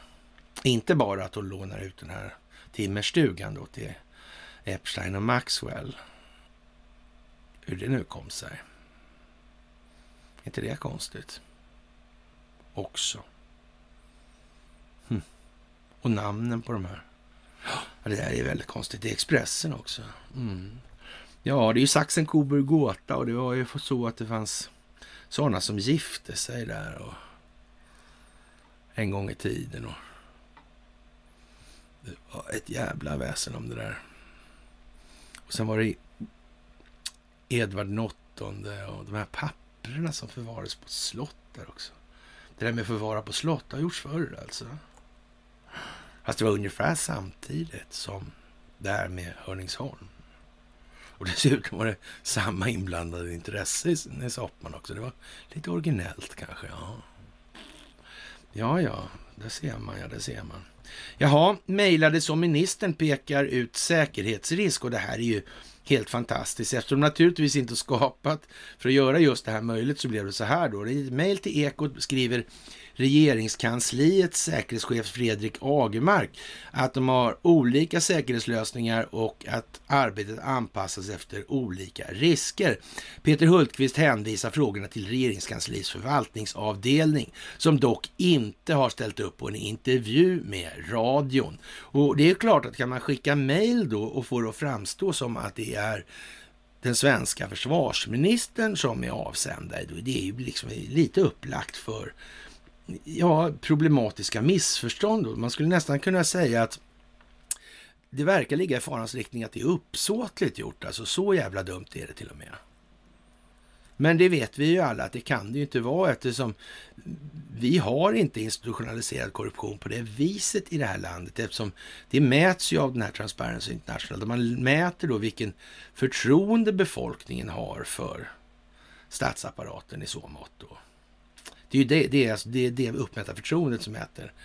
Hur, hur, det mäter inte hur mycket korruption det finns. För det, det vet vi ju inte naturligtvis av förklarliga skäl eftersom de inte talar om att de är korrumperade själva. Så det går inte att mäta utan det får ju bli liksom vilken uppfattning istället människor i allmänhet har om den saken. Mm.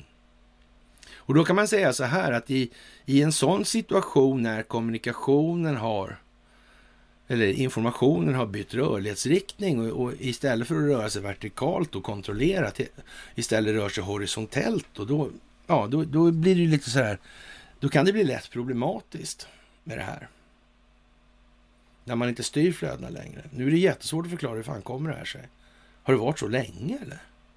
Eller hur har det här fungerat? Ja.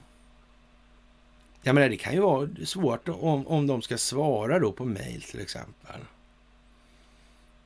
Till olika redaktioner och såna här grejer. Och det här ska vara en enhetlig opinionsbildningsriktning. Det måste ensas upp. Ja, men då känns det ju som att liksom, eh, ja, Hultqvist han har helt,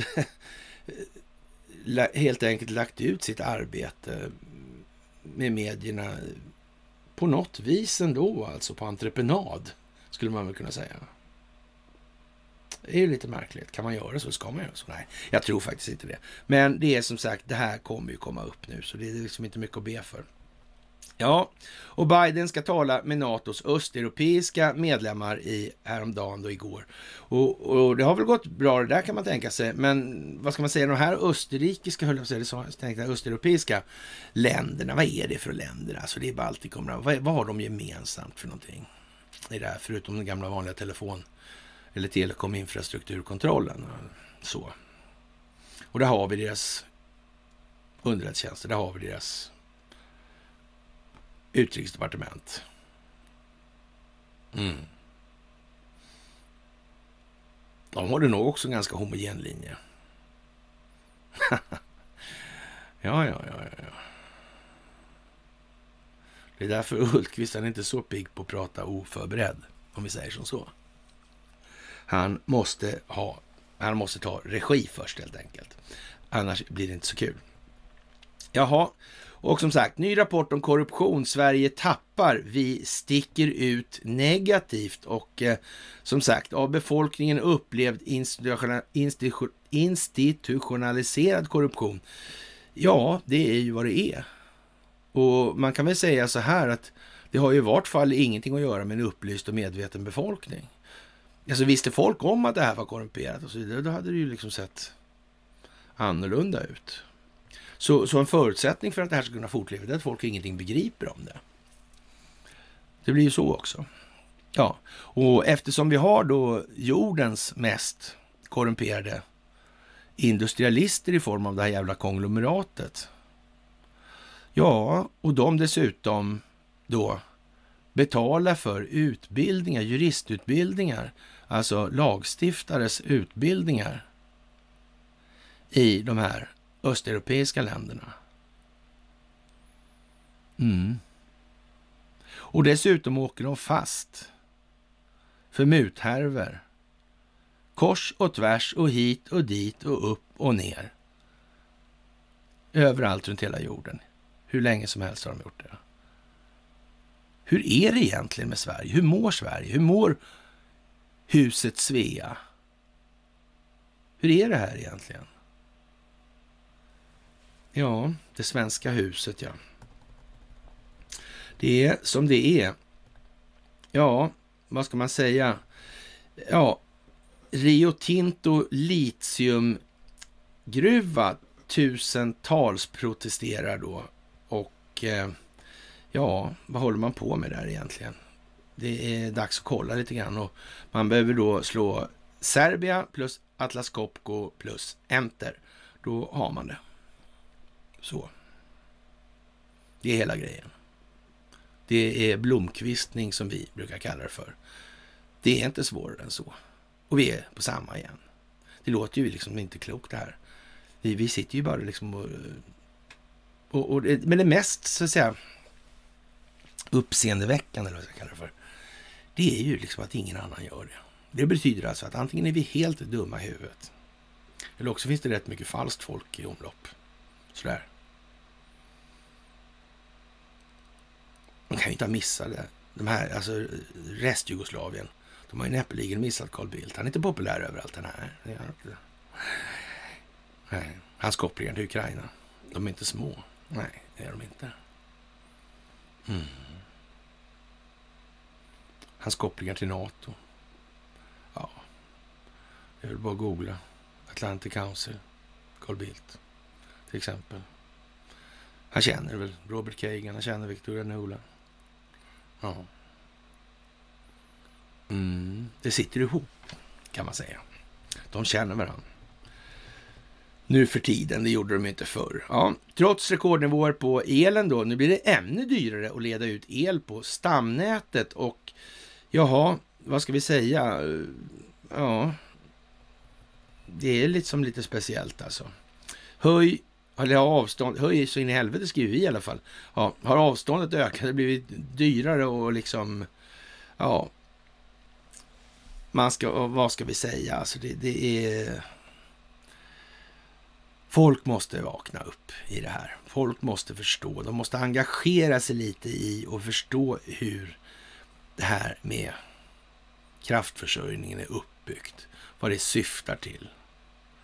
Varför ska vi ha enskilda intressen i det här överhuvudtaget? Och vi kommer fram till vad det här håller på att kulminera ut i och det är helt bedrövligt faktiskt. Nu blir det i alla fall dyrare att använda själva ledningsfunktionen här då, då tycker de är, har blivit någonting annorlunda helt enkelt. Ja, Presentkort användes till kaffekassan och det var då den här välgörenhetsorganisationen Giving Peoples anställda som vittnar om de här felaktigheterna. Och det är ju som sagt det är löjligt det här. Alltså det är så jävla institutionaliserat den här korruptionen så det liknar ingenting någonstans. Och, och människor i allmänhet Sverige gör ju såna, själv sådana ursäkter att det, ja ja, med lite kaffe liksom och lite hej och hå, så kör det på.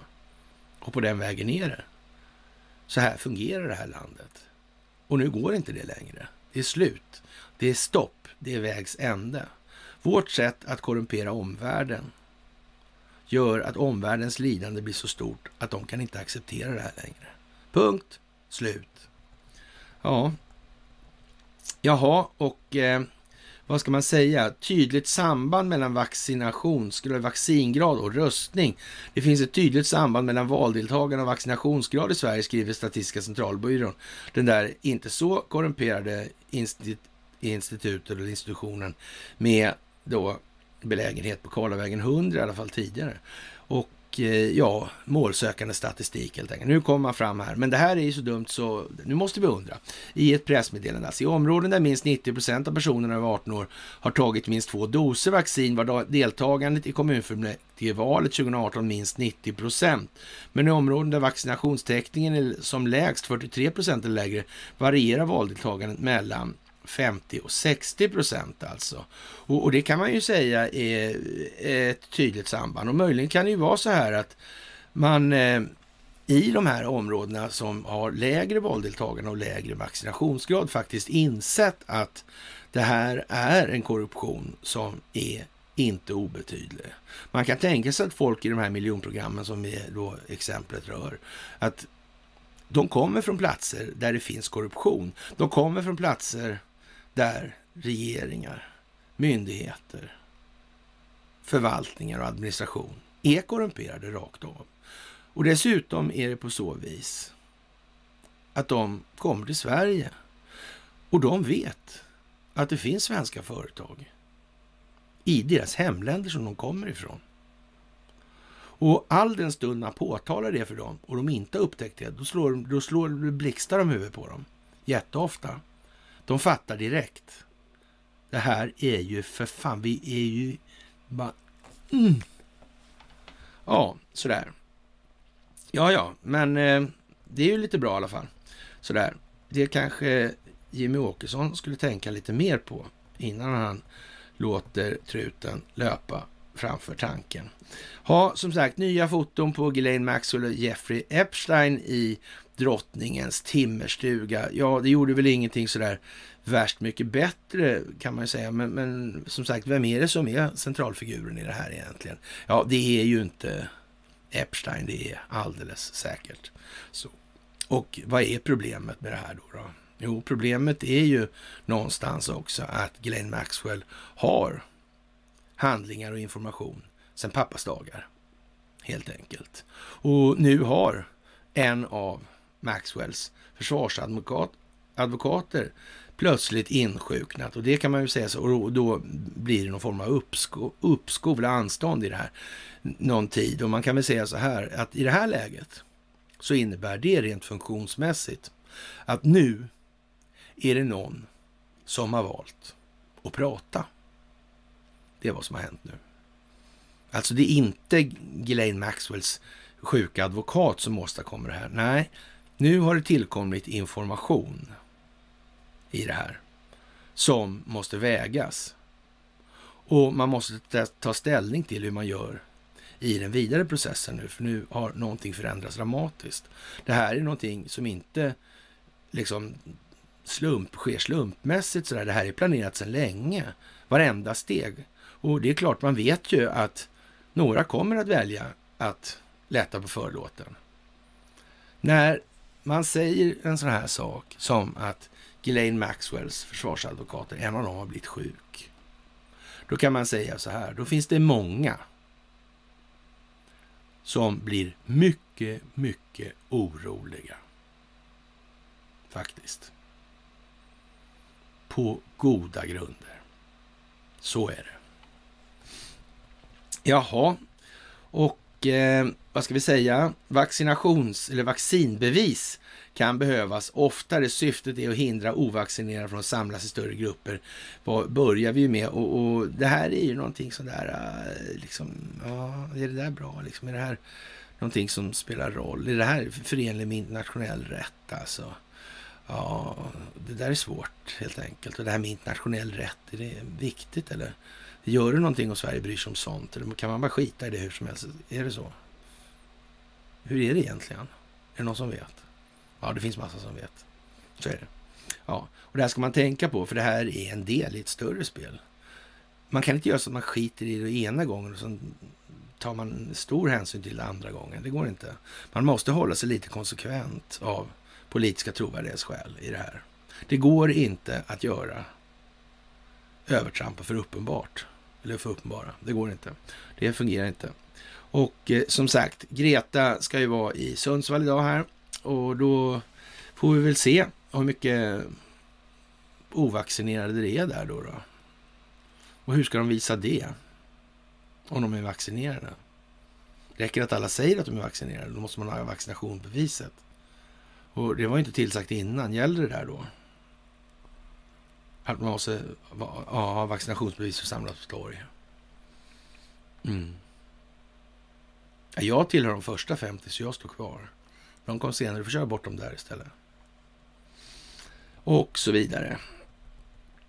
Jaha, och den här Evergrande Group då har deklarerat sig i konkurs då tillsammans med då den här Kajsa, en annan sån här fastighetsutvecklare firma då. Och eh, det, drar ihop sig ordentligt och eh, lägger man ett skuldtak på hela det här, då ett amerikanskt sådant som inte får brytas, då har man så att säga guldregn över stan utan sköna dollarns kyskhetsbälte då. Och det är naturligtvis lite travesteringar på det där. När det gäller Karl Gerhard då naturligtvis, men det antar jag att många av er förstår vid det här laget. Och eh, ja, China, Evergrande Group och Kajsa Group sa visst någonting om att de hade gått i konkurs med offshore-obligationer. Är inte det lite förargligt så att säga? Du, de där offshore-obligationerna, har inte de någonting att göra med den där äh, hon som hade den där stugan där Epstein och Maxwell, hon drottningen där var det väl? För de här offshore-bankerna, det, det, det, är liksom hennes fögderi, hennes jurisdiktion vill jag minnas. Mm. Det verkar sitta ihop ändå alltså. Faktiskt. Och vad då? Det är ju ingen insyn i de där. Faktiskt. Så om de här äh, bolagen smäller alltså. Och har obligationerna i offshore-systemet. Hur, hur, vet man om de realiserar de här förlusterna överhuvudtaget och inte bara... Jag menar, vad ska de göra? Det var väl Lazard också, va? Som företrädde de här obligationsinnehavarna. Var inte de med förresten på den här grejen 32 där, va? Kungliga kommissionen och det här, va? Det var något... Just det, så var det en fransk revisionsbyrå som inte kunde ett ord svenska också. Men Lazard var ju med där också. Ja. Så var det, ja. Mm. Det var konstigt. Mm. det verkar precis som man har kunnat pressa Frankrike rätt så ordentligt på något vis här. Och det där med det guldet som tyskarna betalade tillbaka också, som lånades ut till svenska intressen där och köpte något gruvbolag där och så. Var det inte så? Jo, så var det ju. Det var konstigt. Ja, kanske när man hade mutat någon eller och de där bankkontona fanns på i skatteparadis, eller nej? Jag vet inte. Vi får se. Det kommer ju visa sig. Så är det ju. Och eh, ja, som sagt, det var ju några spänn det där rörde sig om. Och vem vet, inom en tid kanske även den så generöse Roosevelt, alltså Roosevelt, hamnar i ett annat ljus, ett som kommer från verkligheten. Och det var ju då ja, Roosevelt som införde det här Glass-Steagall Act, det vill säga man fick inte blanda affärsbanking med investment banking då. Och det var ju för att inte det här jävla systemet skulle bli skuldmättat på en gång helt enkelt. För de hade ju expanderat skulderna så mycket de hade kunnat. Och man, man kunde liksom inte tala om hur allting fungerar för de här. Utan de, de här som jobbar på bank, de måste ju tro att de faktiskt gör någonting vettigt. Sådär. Och, och det, det, gick liksom inte. Och de, då, risken att det skulle finnas någon som inte längre hade nerver var ju uppenbar. Va? Så det där fick man akta sig för helt enkelt. Det fick bli som det blev. Nu Jaha, och eh, vad ska vi säga? Per Myrberg då med 34 med text hoppade upp i flödet där lite grann igår. Och det var lite skojigt faktiskt måste man ju säga. Och det här handlar ju till exempel om första kammarvalet då i Sverige då. Det fanns ju en tvåkammar regering eller riksdag det här på den tiden. Det är lite annorlunda sådär. Och eh, det är ju lite märklig text på den här låten också faktiskt. Och, och, man kan väl säga så här när det gäller då försvarsbesluten som gjordes då, eller växte fram då, som fattades 36 här. Och verkade det på något vis som, som man, eh, ja, det var liksom som man nästan kände till att det skulle bli då världskrig. Och det var ju väldigt konstigt det här. Och de här som satt i de här sammanhang. Det var väl då liksom, var det inte Lindman igen då? Och, och så var det Per Albin. Och Per Albin han spelade bridge där med, med någon, var det inte så? Jag, jag för mig att det var det faktiskt. Och, och, och jag kan ha fel. Men, men, ändå så tror jag faktiskt inte jag har det. Och ja, som sagt, det är lite grann sådär. Lite speciellt och eh, de verkar väl ha hållit på precis som vanligt. Det var ingen skillnad helt enkelt. Och Amaryllisklubben hette för övrigt den här bridgeklubben för de som undrade ifall det var någon bridgeklubb eller inte. Alltså.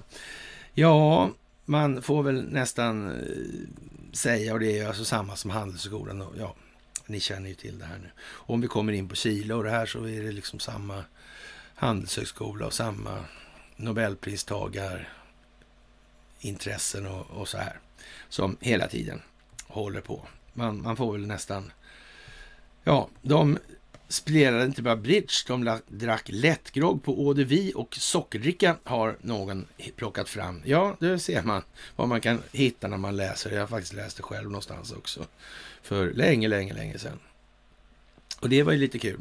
Och vad var den här första kammaren för någonting egentligen? Ja, ja får man titta efter där och sen var det då speciellt valda 34 och hela, vad ska vi säga, det är jätteriggat alltihopa. Som precis som vanligt. Det är BIS, det är Thomas McKittrick, det är ja, Herman Schmitz och, och så vidare och så vidare. Här i all oändlighet. Alltså det, det är massor helt enkelt. Och jag vet inte. Det här i, no, i någon mån så visste man ju det här också, att det skulle komma tillbaka den här historien när man var på väg in i Nürnberg, Washington-förhandlingarna, Bosch-affärer och allt det här. Man visste ju liksom att det räckte ju inte med det här med jävla världskrigen och det skulle ju inte räcka där. Va? Utan det skulle ju bli för depressionen och det skulle bli för en massa saker i det här. Och det gick inte helt enkelt. Och då fick det bli till att tala om liksom att för båda sidorna att nu håller vi tyst här, annars så river vi alltihopa helt enkelt. Och en del blev ju naturligtvis väldigt glada och tacksamma för det, till exempel Bush-familjen. För att inte tala om alla tyskar som hade flyttat till Latin och Sydamerika. i det här. Argentina, Chile, Chile och så vidare i det här. Mm. Det där ville man inte ha upp, helt enkelt. Det fick bli ett streck över det här. Vi måste dra ett streck över det här, sa man i Nürnberg. Det var ett dumt streck, det skulle man inte ha gjort. Man skulle ha gått till botten med det här redan då, så hade vi sluppit det kalla kriget och en jävla massa annat lidande. Men de var för korrumperade. Det gick inte. Och med det i åtanke, föreställ er nu hur djupt träsket är, hur stort det är, hur lätt det är att dränera, hur mycket planering man måste lägga för att tvätta ur det här skiten som har varit så länge och ställt till så mycket. Det är inte lite grann. Det är helt otroligt stort. Helt otroligt stort. Och eh, vi ser inga andra kanaler överhuvudtaget beröra den frågan och antagligen beror det på att det är alldeles för mycket. Det är inte så lätt alltså. Och eh, ja, det kan bli lite för mustigt helt enkelt.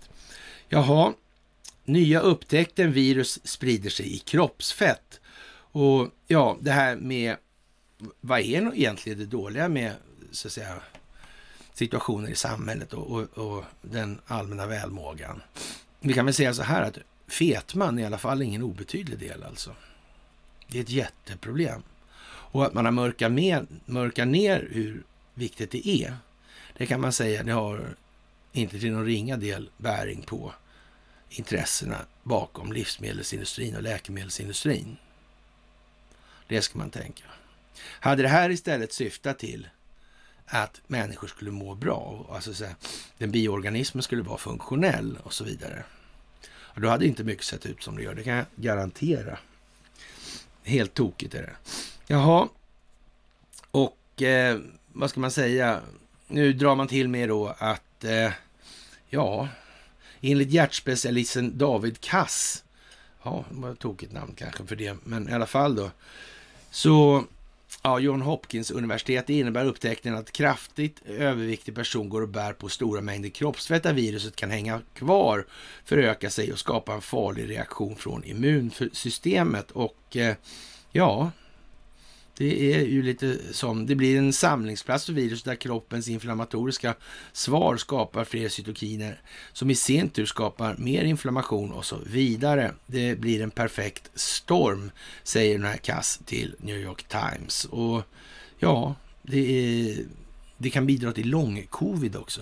Ja, bortsett från det där. Det här kommer alltså användas som hävstång i en rad olika sammanhang. För det här med vällevnadssjukdomarna eller övervikten, den är ju liksom en katastrof rakt av alltså. Och, och, det är inte det, jag säger inte det som att alla, alla ska ligga under 10 procent i kroppsfett. sådana grejer, inte det. Men, men det här som är nu på många håll, det är ett jävla otyg helt enkelt med diabetes och, och allt vad det ställer till med njurar och ögon och hela skiten. Det är inte bra. Verkligen inte. Jaha, och eh, vi får väl eh, se tiden an. Det blir bättre. Flest män som tar sitt liv i Norrbotten kan vara tillgången på vapen. Man baxnar ju när SVT drar till sådär med. Och ja, män har svårare att erkänna att de lider av psykisk ohälsa och det har vi ju sagt vet jag inte hur många gånger det här med att det här är ett mycket, mycket större problem än vad folk i allmänhet inser. Och speciellt nu alltså. Det kan vara idag, imorgon, när som helst nu. Alltså det är många som mår för jävla risigt alltså. Och det blir bara värre i takt med att osäkerheten ökar. Ovissheten. Det är ett otryggheten. Att ha hela sin tillvaro och sin själ upphängd på yttre omständigheter. Det vill säga att inte bära tryggheten inom sig. Det blir ett helvete när allting utanför börjar röra på sig. Det är bara så. Och det måste man förstå nu. Så nu gäller det att så att säga vara eller ha lite högre precision i uttrycket när man kommunicerar det här. Men att kommunicera det här är fortfarande enda vägen framåt för de här människorna. Det här kommer inte komma någon annanstans än inifrån. Det är bara, det kommer att komma inifrån eller så kommer det inte alls. Så enkelt är det. Jaha, 90 fångar vägrar arbeta på anstalten för maten inte är god, näringsfattig och osmaklig. Jag vet inte exakt, det här är lite eh, udda grejer och i samband med det här med extrema matmissbrukare, fettsäckar och sånt här då, då så, så Leif GW uttalar sig i det här. Och han, han kan ju inte på något vis misstänkas för att ha lagt för mycket energi på, i fråga om eftertanke på kosthållning. Det har han i och för sig gjort helt säkert också, fast han har så att säga lagt den lite missriktad som en spegling av eller en projicering av sin egen självkänsla och självsyn. Alltså den självbild han ser skapar en känsla hos honom i det här och då blir det ju så rätt så klart att han lider ju av någon form av självförakt. Alltså det är ju uppenbart alltså, för annars skulle han inte se ut på det där viset alltså. Ja, han, ja vad ska man säga, det är, den här överkonsumtionen är ett mått på någonting också. Det speglar någonting. Ja, det, det ska man tänka på. Och det, det, kan man ju säga så här att det, han är ju trevlig och, och, och, så på, på olika sätt ibland. Och, och, ja, men jag vet inte. Han var på Nyhetsmorgon häromdagen och jag har ätit på åtskilliga anställda. Eller jag har ätit på anstalt åtskilliga gånger sedan när jag varit där för att träffa någon och jag har aldrig haft några klagomål. Även på Tidaholm har jag käkat, säger Leif GW Persson, TV4 och fortsätter. Det har inte mycket att förlora det är inte som att de inte får någon mat om de håller på att jävlas. För det får de ändå. Men jag tycker nog att maten är ganska hygglig alltså. Det här blir ju någon form av, eh, jag vet inte. Jag menar, har de tungt kroppsarbete och sådär, och det är klart att då, då behöver man ju så åtminstone så mycket protein för att ersätta vävnaden, proteinsyntesen. Alltså så mycket måste man ju ha i sig för att inte organismen ska gå ner sig. Och sen behöver man ju då täcka för energibehovet och, och med en blandning av, av då fett och kolhydrater då för energibalansen då. Men, men eh, jag vet inte, det, det, känns ju lite så här förment då att, att ha liksom ja, TV4s värsta pösmunk då. Han är ju lite lik den här andra, vad fan han heter, kock, eller ja, han där vällustgubben där alltså som äter som ett jävla svin alltså. Ja, helt enkelt. Jag vet inte, det, det, känns lite tokigt här alltså. Men det är väl möjligt att han har väl gjort något. Jag kan väl tänka att det var det här med Karl Persson och Doris Hopp och det har väl varit mycket sedan dess också. Så det finns mycket som kommer i kapp helt enkelt nu och, och, och Leif han har, ja vad ska man säga, Gustavs grabba heter boken, tror jag. Tänk om allt var planerat, skriver vi sen. Efter tio år Saabs konkurs kan bli klar innan årsskiftet. Tänk vad konstigt. Tänk om det här är planerat hela vägen. Ja, Svenska Aeroplanaktiebolaget och det är ju liksom en bra... Och jag vet inte, Saab, har inte det... Det är ju visserligen inte själva bildivisionen då, det är, men det är fortfarande Saab i, i, i någon mån. Och, och, bara tänk så att det är ju konstigt det där med Saab, speciellt. Samarbete med Boeing liksom. Bara sådär. Boeing ju måste ändå anses vara lite större firma än Saab, kanske. Och dessutom samarbete med andra då. Och sen Hägglunds där, BAE också. Så det verkar finnas liksom i alla på något vis, på något konstigt sätt. Och ännu värre. Ännu värre. Faktiskt så mycket värre det bara går. Stridsledningssystem där, det där Global Eye. Är det kompatibelt med NATO? Så det är ju konstigt. Hur kan det vara det? Hur kan det vara så? De är väl dyra de där systemen? Varför ger man bort det till lilla företaget Saab för? Det är ju märkligt. Är det inte det?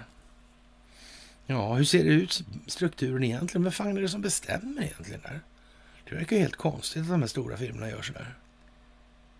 Jag vet inte.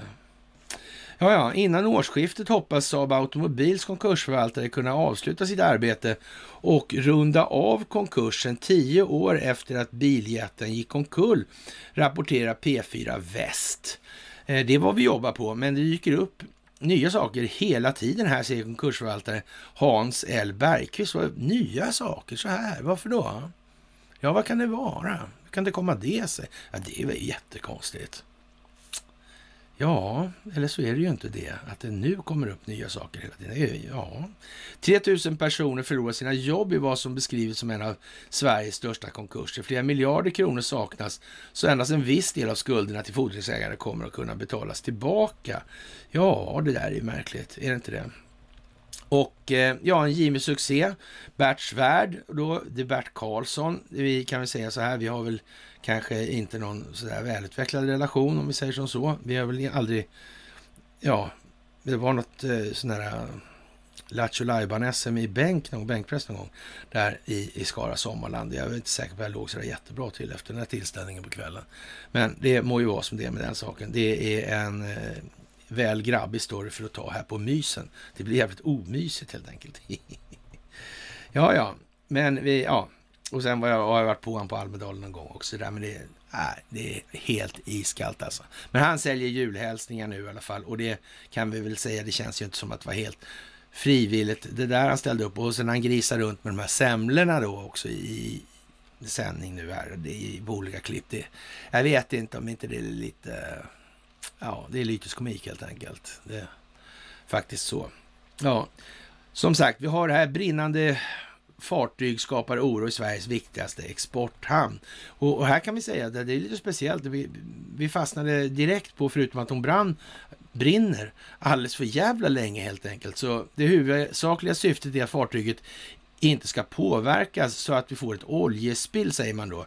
Och, och sen skriver man då i, i den här artikeln då i Dagens Industri då att det huvudsakliga syftet alltså då, det finns 600 ton bränsle i tankarna och det är ungefär 6 000 liter. Det är ett miljöhot. Det är tämligen tunga, liter, tämligen tunga liter det där måste man ju säga. Faktiskt. Så kan man väl lägga om det där lite grann. Tungt bränsle helt enkelt, ja. Mm. 600 ton, ja. Mm. Ja, ja, ja. Och 6000 liter det är ju lite speciellt, eller hur? Ja, ja, ja, ja, ja. ja. Mm. Vad kan det där vara för någonting egentligen? Det behöver kanske inte vara så att de har skrivit fel. Men det kan ha en annan innebörd. Faktiskt. Men det får vi se. Vad som är helt säkert i alla fall. Det är att eh, när man släpar in den här till Göteborg så gäller det ju naturligtvis att man är försiktig. Så man inte hamnar i en situation där den här kommer blockera in och utsegling från Göteborg. Det vore ju för jävligt. Faktiskt.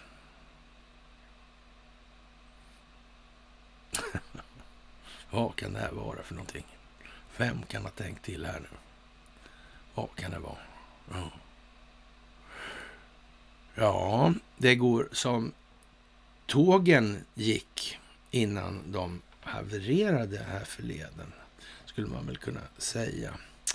Och som sagt, Marias kamp mot fetman har blivit en klassfråga. Och det är DN då, man går ju på bred front i det här. Det är hela den här sjuk, sjukvårdssituationen och allt det här kommer att läggas om. Det kommer gå på det som egentligen spelar någon roll. Alltså det här med kylskåpsterapin alltså. I den här tröstlöshetsreligionen alltså. Det kommer att gå bort. Det kommer att gå bort. Faktiskt. Ja, man måste ta förändringen i lagom tuggor och samhällets kostnad för den här fetman, den är fan inte att leka med. För att inte tala om kostnaden för individen, även om i och för sig då det finns rätt mycket billiga kolhydrater i dagens läge, så det är ingen svälter ihjäl så. Men konsekvenserna i övrigt av den här typen av levnad eller leverne och kosthållning, de är inte så jävla lyckade för samhällets vidkommande helt enkelt. Jaha, Sverige fälldes då.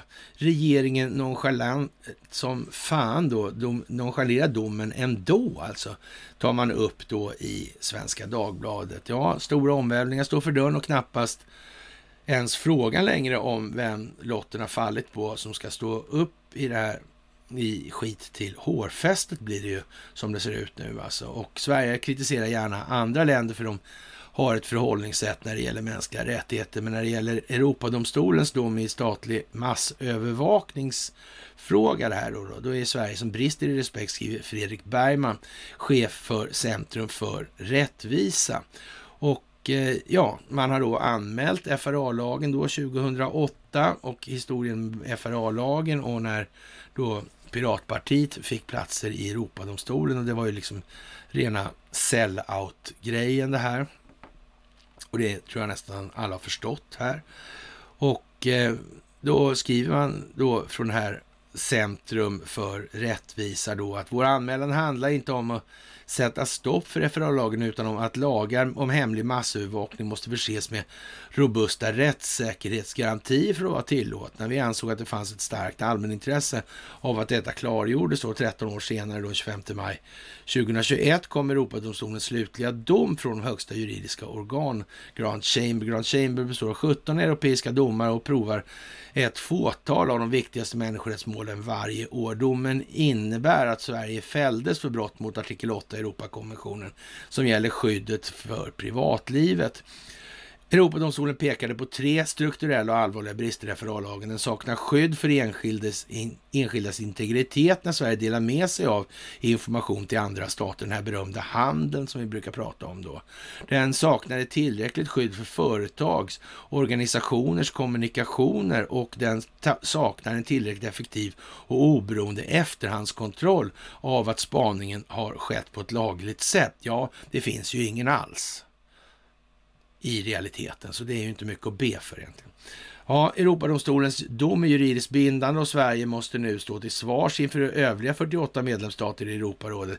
Europarådets ministerkommitté har beslutat att inleda en särskild granskning av hur Sverige följer domen och regeringen fick den 25 november 21 på sig då att komma in med en handlingsplan för hur bristerna ska rättas till. Europadomstolen dom klargör att statlig massövervakning är laglig endast om, det har hö om höga krav på rättssäkerhet är uppfyllda. Eftersom FRA-lagen inte lever upp till de här kraven så är Sveriges signalspaning oförenlig med våra åtaganden att respektera de mänskliga rättigheterna. Regeringens reaktion på domen är anmärkningsvärd, skriver man här. Och som sagt, det här är vad det är nu. Och det kommer att bli därefter, tro ingenting annat nu. Man hade förväntat sig att regeringen skulle vara angelägen om att skyndsamt rätta till bristerna i lagen. Istället valde man att prioritera ett lagförslag som kraftigt expanderar FRA-lagens övervakning. Tvärtom alltså. Men, är man dum i huvudet eller har man blivit åtsagd av någon att utgöra ett pedagogiskt exempel? Kan det vara så? Kan det vara så? Jag vet inte. Ja, det är ju jättegott. Lagen klubbades i riksdagen häromveckan i skuggan av statsministeromröstningen. Bara sådär, vi iväg. Ja, ja, ja, ja, ja. Mm. Bara Centerpartiet protesterade med hänvisning till bristerna i lagen måste åtgärdas innan det utvidgas. Jaha. Regeringens svar till Europarådet om man avser följa domen kom dagen efter man planerar tillsätta en utredning senast 2025 som ska se över frågan. Eh, va? det bara... Nej, men ändå, allvarligt talat. men det är inte planerat. Det är inte riggat. Det är inte att skapa optik. Det är inte för att människor ska förstå. Det handlar inte om folkbildning. Inte alls, inte alls, inte alls. Det är ingen som begriper någonting någonstans, någonsin. Vi svenskar, vi svenduvor, vi vet bäst. För vi tänker i alla fall på vår egen... Nej, förlåt. Vi tänker i alla fall med vår egen plånbok. Så, ja. Det är så bra så. Ja, ja. Men Europadomstolens dom kan inte viftas bort så här lätt. Nu, måste, nu ska regeringsagerande granskas istället. Och det är svårt att tro att de andra medlemsstaterna kommer att bli särskilt imponerande över den bakvända och saktfärdiga hanteringen. En utredning för att åtgärda lagen borde ha tillsatts omedelbart samtidigt som expansionen borde ha väntat. Ja, det kan man väl tycka är en rimlig ordning.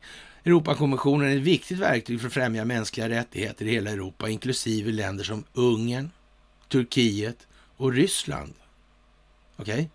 Så där är det viktigt då. Men, men ja, ja. det kräver att Europadomstolens avgörande respekteras av alla. Sverige kritiserar gärna andra länder för deras förhållningssätt när det gäller mänskliga rättigheter. I det här fallet är det Sverige som brister.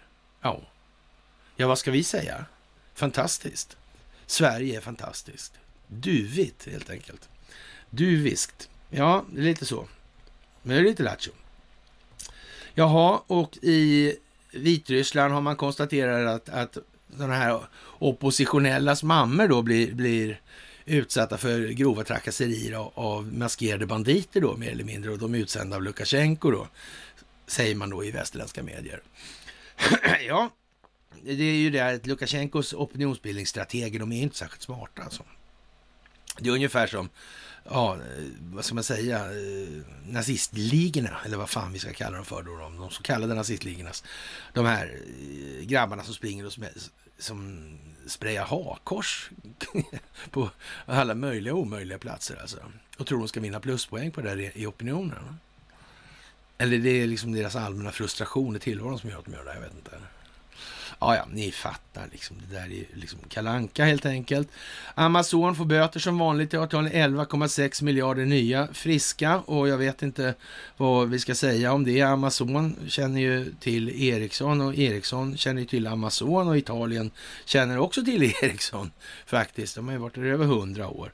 Och mm, vad ska vi säga, och tillsatt en och annan diktator har man gjort också i de här sammanhangen och, och så vidare.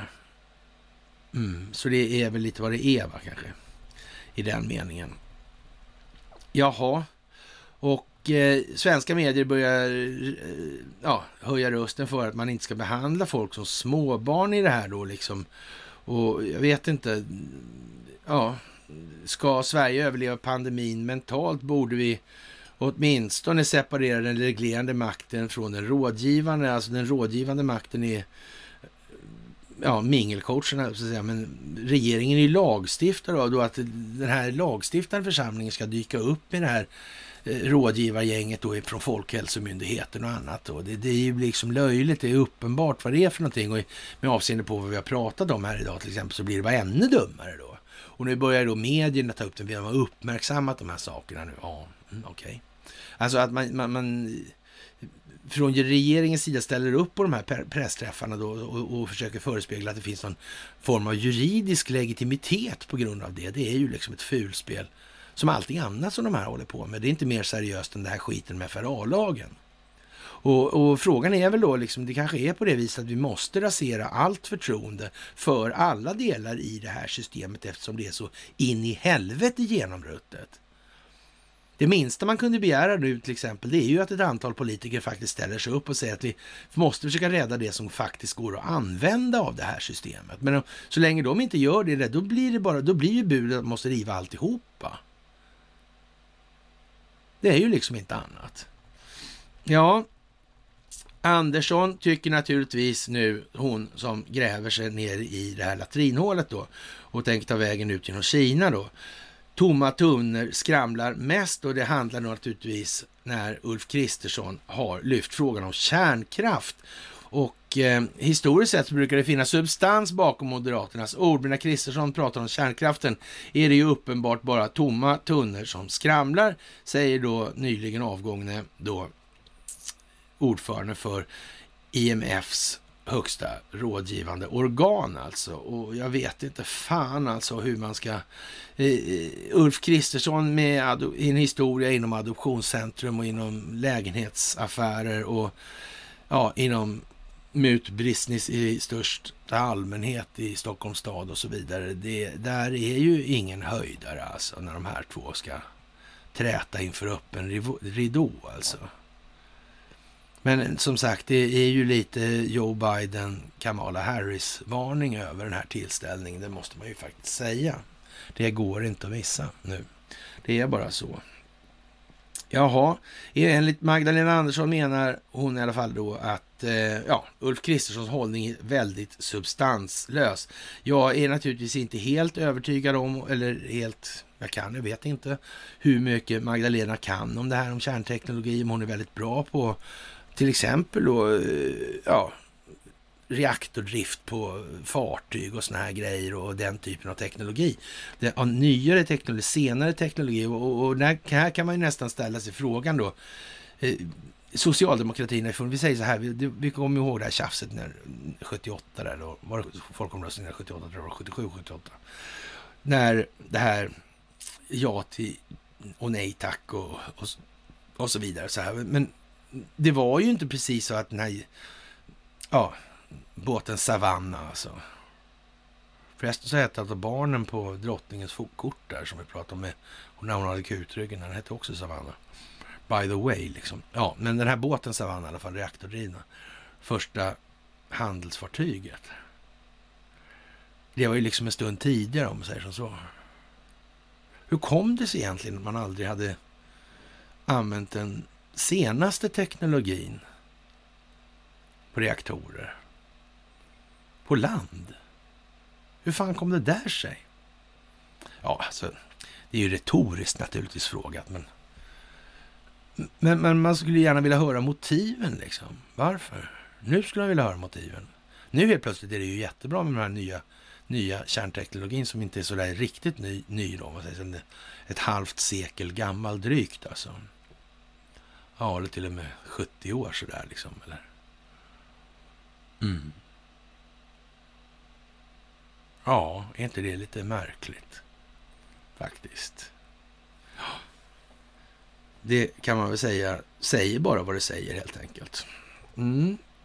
Och, men Magdalena, hon nöjer sig inte med detta, utan hon vill faktiskt ta ett par riktiga stora spadtag, eller ett par riktiga stora tag med H1, alltså det är en grävskopebenämning då. Mm.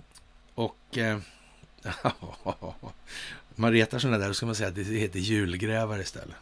Eller grävhjulare, kanske då. Då blir de arga. Ja, hur som helst, det här är H1 i alla fall. Och nu ska hon jävla ner till Kina på två tag alltså. Det finns inget förbud mot att bygga kärnkraft i Sverige. Det är bara att det inte finns någon privat aktör som vill bygga. Okej? Okay. Ja. För eh, att det inte är lönsamt, säger hon. Okej? Okay. Ja, men, men nu ska vi se här. Ja nu är jag inte riktigt säker på varför ska det vara lönsamt för?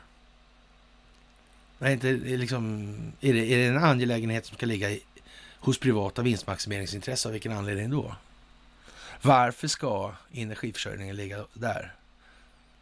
Det är ju samhällskritiskt. Eller har hon missat det? Men de menar att befolkningen ska betala skatt för att försvara och bevaka de här instanserna. Ja. För att de ska tjäna pengar. Som görs av enskilda vinstmaximeringsintressen till en kostnad av ränta för samhället. Alltså, nu jävlar är det goddag yxskaft. Det måste man ändå säga. Det här är helt jävla tappat. Nu är det dags. Nu är det dags att resa på sig i sin medvetna medvetenhet. Det är svårt att se att det kommer att bli så mycket dummare än så här. Men osvuret är bäst och granen, ja, den håller för ett par varv till. Så är det naturligtvis. Vi får vara lite ärliga och säga att det är så. Jaha, vad ska vi säga? Danska övergreppen på körflickor skakar operan och frustration bland de anställda på Malmö Opera. Alltså. Det här är ju någonting som, det är sexuella kränkningar i Danmarks Radios flickkör och vad ska vi säga, det rör bland annat då Malmö Operas VD Mikael Bojesen. och det är ju liksom en återkommande story det här. Är det här institutionaliserat eller är det inte det? Har det pågått länge? Är det någonting som, ja, etableras med ett syfte av några särskilda intressen. Kan det vara så? Alltså, satt man här i system alltså på det viset? Jag menar, då får ju den här Maxwell en helt annan roll alltså. Den djupa staten måste ju liksom ha hållhakar och det måste finnas en hållhaksproduktion i det här alltså. Hållhaksefterfrågan finns det ju garanterat ändå när man håller på på det här viset som det svenska samhället är uppbyggt. Är det någon som tvivlar på vad Magdalena håller på med? Men som sagt, jag eh, ska ge henne det alltså. Hon är ju lojal alltså. Och, och det är värt någonting också, även om hon är lojal mot jävligt tokiga grejer alltså. Men, men eh, ja, fine liksom. Men som sagt, hon avgick ju i, ja som sagt, det här är en koordinerad opinionsbildningskampanj, folkbildning med reflexiv kontroll. Så är det bara. Eller också är allting bara en slump, helt enkelt. Och ja, vilket det nu är. Och för att göra skada till smärta eller smärta till skada då, så har då tågtrafiken till Kiruna-Haparanda ställts in. Alla fordon har pajat. Ja, och vad fan spelar det för roll då? Kan man tycka. Det är väl ingen som åker där uppe. Det spelar en viss roll faktiskt. Och det spelar en ännu större roll i ljuset av den här jävla malmtåget som trillar omkull där också. Mm, det där blir inte så bra alltså. Och sen har man försökt göra en annan variant och ta sig ut via Umeå och, och sen eh, bort Mo i Rana där alltså. Det. Ja, den här E12 där. Mm. Men man kan säga så här att om den här båten skulle gå på grund nu eller bli så varm att den måste sänkas i, mitt i farleden eller något sånt där. Den som brinner där nere vid Göteborg. Aha. Mm. Ja, Arlanda är inget stort. Den där går att riva upp med ja, som en väghyvel höll jag på att säga. Ja, och drar du några kablar där också för säkerhets skull så är det den där. Eller eh, covid bland trafikledarna eller whatever. Sådär. Det finns massa sätt att ställa upp. Anfallna av polarvargar eller isbjörnar. Någonting att hitta på bara. Sådär. Det, det går ju att stänga. Det är svårt att stänga Arlanda i alla fall. Det är lätt. Men eh, om det nu är så att det, det går inte att komma till Narvik den vägen nu längre. Därför att tågen har pajat och dessutom har det trillat omkull ett stort malmtåg där nu. Eller om det kanske är uppe, jag vet inte. Men rälsen, det är väl inte banvallen, är väl inte klar ändå. Eller, det tar väl en stund, hur som helst. Och, och sen blir det då sådär dumt att Göteborgs hamn blir blockerad. Ja, och Arlanda är som sagt ingen match. Då blir det bara E14 kvar. Det är de tre strategiska positionerna. Och där E14 är ju en udda företeelse. Den ligger bredvid Ljungan som är Sveriges mest utbyggda älv med ett kraftverk bakom varenda småby. Alltså. alltså det är hur många som helst. Alltså. Det är den mest utbyggda i landet. Alltså. Ja, okay. Och inte nog med det. Där går järnvägen. Och där går E14 till Trondheim. Och där går järnvägen också då. Mm. Så tokigt. Det är ju lite sådär va. Mm. Och dessutom så kommer Atlantfibern in den vägen via Trondheim. Jaha, så praktiskt. Så på stället, eller så säga, sträckningen mellan till exempel Fränsta och Stöde där är det kanske maximalt tusen meters tvärsnitt för att kapa alla de där delarna då, så att säga. Det där är ju konstigt. Och dessutom kan man ju säga så här att själva tåg, det är ju bara att höja vattenytan i Stödesjön till exempel. Så blir det jävligt lite tåg åkt. Då kan man säga, då kommer banvallen bli underminerad tämligen omgående. Så då. Mm. Det där är lite speciellt. Faktiskt. Och någon vill ju ha kaos. Någon annan vill inte ha kaos. Någon annan är, någon är beroende av export. Någon annan vill inte att de ska hålla på med den här exporten lika mycket, för det förgiftar jorden. Ja. Så. Någon vill hela tiden tjäna så mycket pengar som möjligt. Några kanske vill att det vore bättre att vi tog hem alla arbetstillfällen igen. Vi behöver inte ha liksom den här typen av samhälle vi har nu. Och framför allt inte den här fördelningen nu. Det verkar ju vara precis som att vi kunde ha det väldigt mycket bättre allihopa, till och med inom ramen för innevarande system, om fördelningsbasen var annorlunda utformad, faktiskt. Det här är inte skitsvårt alltså. Det är det inte. Men man måste tänka till nu. Vad händer egentligen? Vad fan börjar de flytta på den här båten? Hur kommer det sig att det brinner så länge? Det är ju inte liksom... Och vad skulle det kunna finnas mer i den där? Kan det ha att göra med de där uh, äh, nya reaktorerna kanske till och med sånt där? Kan det vara sådana här saker som spelar in? Vem tänker egentligen på den strategiska opinionsbildningen då?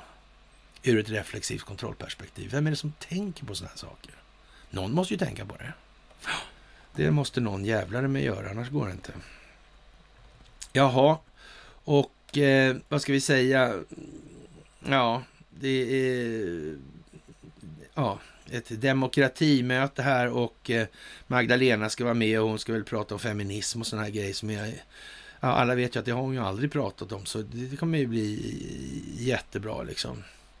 Det kommer att bli bidenskt, alltså underlivsporslinskt om någonting kommer det här bli. Och, och, det är ju inte så mycket att be för den saken. Ja, massavbokade julbord leder till att krögare slänger mat alltså. Och eh, ja, vad ska vi säga? Folk kommer ju tycka vad de tycker. Vad är opinionsbildningseffekten av det här egentligen? Jaha, och då tycker Wolfgang Hansson samtidigt att det här med enskilda vinstmaximeringsintressen, de begriper ingenting i, i, om det här med, med, med, vad som händer i Ukraina till exempel, Ikea. De fattar inte det där, utan de är godtrogna helt enkelt. Alltså. alltså gänget som ägnar sig åt barnarbete i Vietnam till exempel. De lider av godtrogenhet enligt Wolfgang Hansson. Och då kommer ju osökt slutsatsen då. Har det brunnit mer än vanligt i proppskåpet? Eller vad fan beror det här på nu då? Jag menar, det är liksom eh, samma jävla kluster. De känner ju varann. Det är ju samma gäng alltihopa. Och, och, och att de gör det på det ena eller andra stället, det är ju... Jaha. Ja, men de har inga barnarbetare på just eh, Ikea då, eller nej. nej. Utan det är bara H&M som har det. Ja. ja, men det hade man ju redan på, ja, inte Regnum, där krig, mellankrigstiden i Tyskland och nazockuperade zonen. Det gällde då vilka bolag? Alla bolag som fortfarande finns i det här jävla företagsklustret. Eller? Är det fel? Nej, det är det inte. Och på den tiden så, ja, före 33, då hade man ju till och med den lilla gubben med mustasch logga som företagslogga. Men, nej. Okej. Okay. Då vet vi ju det då liksom. Ja. Och det blir bara bättre. Det blir bara bättre. En jävligt trist historia helt enkelt. Och jag vet inte vad vi egentligen ska säga om den, men Bonnesen hon sitter ju jävligt dåligt till, fick vi se i medierna häromdagen. Frågan är om det verkligen är på det sättet alltså. Vi är lite mer tveksamma i, i, i den meningen alltså. Och vi kan väl säga så här, det är en jävla trist historia när det här kommer fram nu, att man från Finansinspektionens sida och den här jävla Erik Thedéen då, ja, fick larm om penningtvätten då redan 2017 då, enligt nya uppgifter som har kommit fram nu. Men det var väl tråkigt. Men tänk om allt det här är planerat? ve och fasa alltså. En jävligt trist historia. Nu måste till och med de riktigt obetänksamma kunna börja misstänka att hela skiten, eftersom det är en global soppa, faktiskt har varit säck innan den kommit på sig. Att advokaten Olsson är så fast i sin övertygelse om att bonusen blir strafffri är inte svårt att förstå. Nu för någon faktiskt som vill förstå. Det kan alla fatta det här nu. Ja, moraliske Görans tillsättning, alltså det är Göran Persson då kom alltså efter att man hade lyssnat på mormor, min mormor alltså, som ansåg att namnet i frågan när det gällde Göran Persson och han, han skulle tillsättas som statsminister eller partiledare och så här, som ansåg att namnet var väl beprövat och ett proprienomen alltså. Han hade ju föregångare som också, ja, eh, vad ska vi säga, eh, blev känd i statsförvaltningen kan vi ju säga och dömdes till drövden genom gruvlig tortyr och såna här grejer och hade ett barn med Karin Månsdotter och såna här grejer. Ja, men det var ju då sådär, men ja, i alla fall. Därav namnet kan vi, som det gällde, inte bara liten Karin alltså så, ja. Därav namnet som vi kan det, alltså vi, hur vi, vi, vi vet vad det här är för någonting. Vi känner igen det här nu. Ja, redan 17 alltså nåddes FI av ett larm om penningtvätt i en svensk storbanks baltiska verksamhet. Det där har vi pratat om. Va? Men det, det, det hade de redan där. De, och då hade de Bergs hållit på med det här de, larmet kom ju inte innan penningtvätten, larmet kom efter penningtvätten. Så då måste ju penningtvätten ha varit tidigare. Så då börjar det bli intressant. Så här. Fanns de inte i Ukraina då eller? det gjorde de. Det gjorde de. Vem var det som anmälde Swedbank för penningtvätt? Enligt uppgift då sådär. Jo, det var Bill Browder. Ja, ja, ja, ja, Bill Browder, ja. Vad var han för något då? Ja, var inte den Magnitsky kanske någonting då? Magnitsky-akten kanske sådär. Magnitsky, han var ju inte advokat, eller han var ju revisor åt Browder. Ja, ja, ja. Och den där Hermitage Foundation. De plundrade inte Ryssland ett dugg på 90-talet. Nej, nej, nej. Ja, vi får väl se. Vi får väl se. Det kommer absolut att visa sig. Det kan vi vara helt säkra på. Jaha, och eh, ja, Enligt tidningen agerar dock inte Finansinspektionen på uppgiften som kom från en visselblåsare. Enligt DIs granskning stängdes ärendet efter bara sex dagar och inga uppgifter lämnades heller över till de baltiska myndigheterna. Häpnadsväckande. De baltiska myndigheterna, det är de där med den lagstiftningen som är skriven av jurister som har gått på juristutbildningar som har finansierats av... Ja, men så är det ju. Ja, ja, men så är det ju. Ja, ja. I efterhand medger eh, Finansinspektionen att myndigheten borde ha kollat upp uppgiften eh, mer noggrant. Den där jävla Tedén är ju liksom eh, en världsklass-sopa liksom. Ja, om han inte har haft fingrarna i, vilket man naturligtvis måste utgå ifrån. Ekobrott är precis samma skit och där kommer det komma en hel jävla skock med korkade grejer vad det lider. Helt otroligt dumt är det alltså. Ja. Sånt som att konkursförvaltare anmäler brott för avsaknad av bok i form av avsaknad av bokföring och, och ekobrott lägger ner för det saknas bokföring. Ja, så det går inte att bevisa att det saknas bokföring. Ja, det är den nivån på det. Alltså. Ja, Dagens Industri alltså skriver också att Finansinspektionen inte heller reagerat på Swedbanks tidigare vd Brigitte Bonnesens uttalande om att Swedbank inte hade några penningtvättproblem. Nej, trots att FI hade fått ta del av en intern rapport som visade sådana. Ja, nej men det är väl inga problem. Om Finansinspektionen säger att det är okej okay, så är det väl okej. Okay. Vad ska hon säga? Det måste ju, ja, så att säga, bevakande myndigheten måste ju i alla fall ges sånt mandat att man har förtroende för den, Eller hur tänkte de där liksom? Ja, ja, ja, ja. Jaha. FIs generaldirektör Erik Thedéen ska också ha haft ett möte med Bonnesen som inte är känt sedan tidigare. Ja, men nu kan man väl säga så här. Det verkar väl eh, ligga i farans riktning att Bonnesen och, och herr Olsson där har, har väl liksom eh, frotterat sig lite med några amerikanska myndigheter och gjort vissa, så att säga, åtagande om att lämna uppgifter då till exempel. Det verkar väl så. För de var ju rätt så säkra på att det inte skulle bli några straffrättsliga påföljder i den delen. Och, och då kan man väl säga så här att Göran blir ordförande för det här efter det. Vad kan det bero på? Därav namnet som vi känner.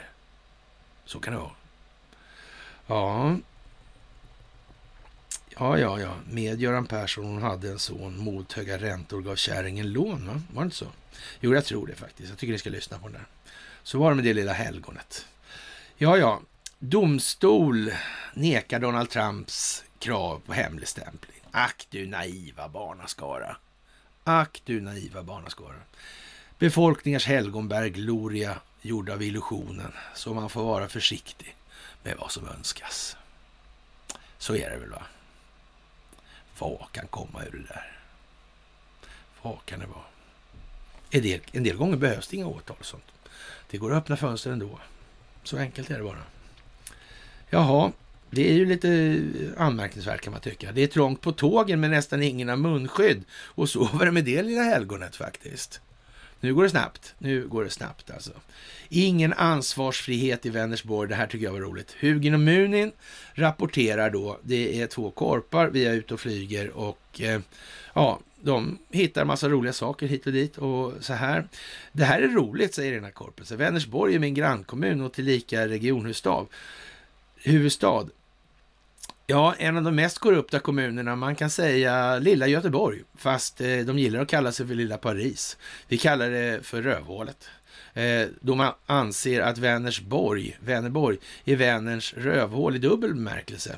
Man kan se den röda tråden när förra kommunpampen först brände kommunens, eh, eller barnens pengar på en bandyarena då pengarna till stor del togs från barn och fritidskontot. Budgeterad först till 125-150 miljoner, reviderat till 220 för att sedan sluta nära 500 miljoner. Många Vänersborgare är jätteglada när jag med stort nöje vrider runt kniven och strör salt i såren. Ja, det är lite trevligt faktiskt. Det måste man ju säga. Ja. Sen kommer det något jättekonstigt. Så här att försvarsministern plagierar ett tal om rasism från Olof Palme. Och Olof Palmes kopplingar bak till Thulehuset och Thule sällskapen då ska vi väl lägga till i det här också, även om man försöker sudda just den delen då. Och, och den roll som det har haft för det här svastikgänget då, och den här killen med den lilla mustaschen och i finansieringsdelar och allt vad som har förevarit det här och, och Cecil Rhodes finansieringar av Gandhi och hela den biten alltså. Det här är ju väldigt snävt då. Och ja, vad ska man säga? Han plagierar ett tal om rasism från Palme. Ja, Palme måste ju uppenbarligen varit väldigt insatt i de här grejerna eftersom han var född och uppvuxen mitt i skiten. Det kan ju inte finnas så mycket att diskutera om i den delen. Och, och anställd då på eh, underrättelsetjänsterna då så här sen. Mm. Och det där är lite speciellt alltså. Och det är väl kanske så att det, det vet alltså Hultqvist det här. Det, det, kan ju inte uteslutas i alla fall. Och att han plagierar det här och det kommer upptäckas, det vet han också. Och han vet att de här diskussionerna nu rör sig i eller på horisontalplanet här. Vi tar upp det här och ni är många nu. Så. Det är ju rätt många människor nu som hänger på det här och ser det här och faktiskt förstår att, ja men vad fan liksom. Det här kan ju, har ju en bäring på större, det har ju bäring på hela geopolitiken och, och vadå? Rasism och rasideologi, Rasideologiska institutet, Rasideologiska sällskapet 1906 och så vidare där och den första institutionaliserade sån här verksamheten som fanns på jorden som sen utgjorde förlaga till Kaiser Wilhelm-institutet i Tyskland alltså. Och, och, där då det här rasbiologiska dokumentet, fundamentet för nazismen tog form då under den här Ernst Rudin. Grundat på någonting som hette Hermans Eugenics Congress 1932, den 16 till 23 augusti. Mm. Men möjligtvis känner folk, eller de här, till sådana här saker. Och det är liksom inte rita, gissa, spring där inte. Det är inte det. Absolut inte. Jaha, och eh, som sagt, det här har hållit på en rätt så rejäl stund. Och Sverige fördjupade militära samarbete med Storbritannien och försvarsministern besökte Arvidsjaur. Ja, vi förlåter er aldrig, sa ju Margot. Och eh, det ska inte det övas några svenska soldater i England. Det där har vi ju tagit då. Och man beslutar nu att det här fartyget ska alltså boxeras in till Göteborg och då får vi väl se då, då om det börjar skramla någonstans ytterligare då på Arlanda eller om E14 helt plötsligt får driftsproblem i en eller annan omfattning. Men man kan väl säga så här, det ser ut i alla fall som det ligger i farans riktning att den här utfarten ifrån Sundsvall på E14, den har ju byggts om rätt så rejält för i, i sammanhanget Stockholms Stockholmsbelopp alltså så har man byggt någonting som man är liksom svårt att se. Men sett ur perspektivet av vad som nu förefaller kunna utvecklas i, ur det här så får man nog faktiskt förstå varför man har valt att bygga om det här på, just på det här viset. Och vad det är som har skett då i så mått då. Så kan det vara också. Vi lär bli varse. Och eh, den mest exponerade sträckan alltså det är då mellan Ljungaverk till Stöd i princip, då, eller Fränsta någonstans där då. Det är ungefär samma sak skulle man väl kunna säga. Jaha, och eh, att det blev rekordmånga avbokningar på julborden var väl inte så eh, jättesvårt att fatta att det skulle bli mest avbokningar i bibelbältet då. Det var väl inte heller så svårt. De är kraftigt hjärntvättade där. De är, eh, ja, som sagt, det är lite, ja, jag vet inte, norrländsk Smålandsvarning eller småländsk Norrlandsvarning eller vilket man nu ska säga. Det är inte så där jävla hundra i så att säga, den moraliska eller moralfilosofiska orienteringen på alla håll. Det är värre på en del, så där bibelbältet har satt sitt, sina spår alltså. Ja, Region Västernorrland, om vi tar den norra delen, då har nått alla tre delmålen som satt upp för den enskilda ersättning, särskilda ersättningen för skyndsam vaccination som angivits i överenskommelser. Man sluter en överenskommelse av något jävla slag här då. För A har de erhållit 6 478 000 och, och, för B har de också erhållit 6 478 000 och för C har de erhållit 3 533 000.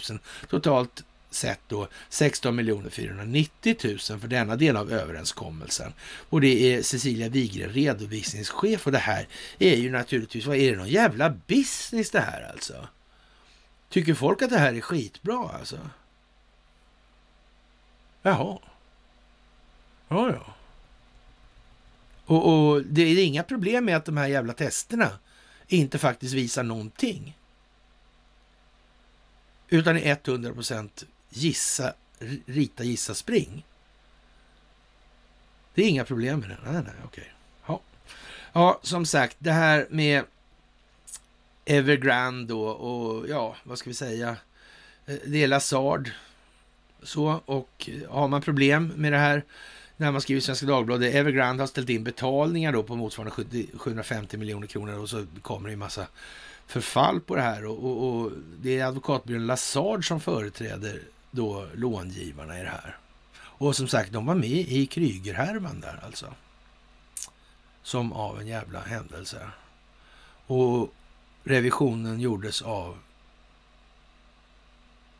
en revisionsbyrå som inte kunde ett enda ord svenska. Ja, ja men det var ju intressant. Och då hade man en kungskommission. ja, man kanske ska googla Stenbeck, Lazard. Kan ju hitta något. Det var, försvann ju papper trots allt som inte går att, så att säga, diskutera bort. Den här Jussi Smollets då han trillar ihop, men man kan väl säga så här att han har ju valt själv och det här är alldeles, alldeles för uppenbart helt klart och det finns andra håll haka på honom som har gjort honom, fått honom att göra det han har gjort nu. Och nu fäller man då så att säga det här hatbrotts trovärdigheten för tid och evighet. Även om många kommer tro att det är det det handlar om. Men det är ju inte det. Det här kommer visa sig handla om något annat vad det lider och att det här med hatbrottsgrejerna är bara en konstruktion för att skapa partisering. Det är så det här ser ut. Jaha, och det är inte så kul för den djupa staten just nu. Det kan vi ju konstatera och Elon Musk kan tänker bli lite mera, ja, lite opinionsbildare sådär kanske. Hur stort man kunde göra ett Maxwell-fönster, det har vi redan diskuterat och nu ställer SJ in tågen mellan Stockholm och Uppsala till helgen också. Och det här börjar ju bli, ja, av det mer löjeväckande slaget som förklaringsmodeller helt enkelt. Det börjar bli lite för mycket lutning åt samma håll. Ja, vad ska vi säga? Ilsken relation mellan Trump och Netanyahu? Nja, jag vet inte. Det har nog varit i säcken när det kommit på sig skulle jag vilja säga. Det är inte sådana detaljer har man inte missat överhuvudtaget. Det kan jag nästan garantera. Och som sagt, det är ju lite svårt det där med att fåtal svenskar på ett brutalt vis lägger sig i Kinas inre angelägenheter. Och, och den djupa staten faktiskt finns i Kina. Det där måste man fundera på i det här läget och det går inte att göra sådana lättvindiga bedömningar just nu. Vi tog upp svininfluensan, kritisk inslag i Aktuellt då och som vi nämnde tidigare, när var det här i tiden och fanns det någonting annat som hade hänt och var det någon form av ekonomiska problem eller vidare. Och eh, som sagt, Rysslands ambassadör han säger att det inte är förbjudet att göra truppförflyttningar och bildsättningen är väl lite sådär eljest med ukrainsk flagg också dessutom.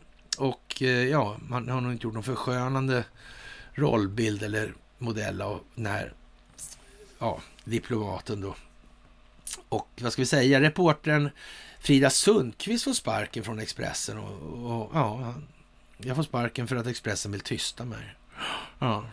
Man kan säga så här, vilken seriös journalistkultur överhuvudtaget och sådär.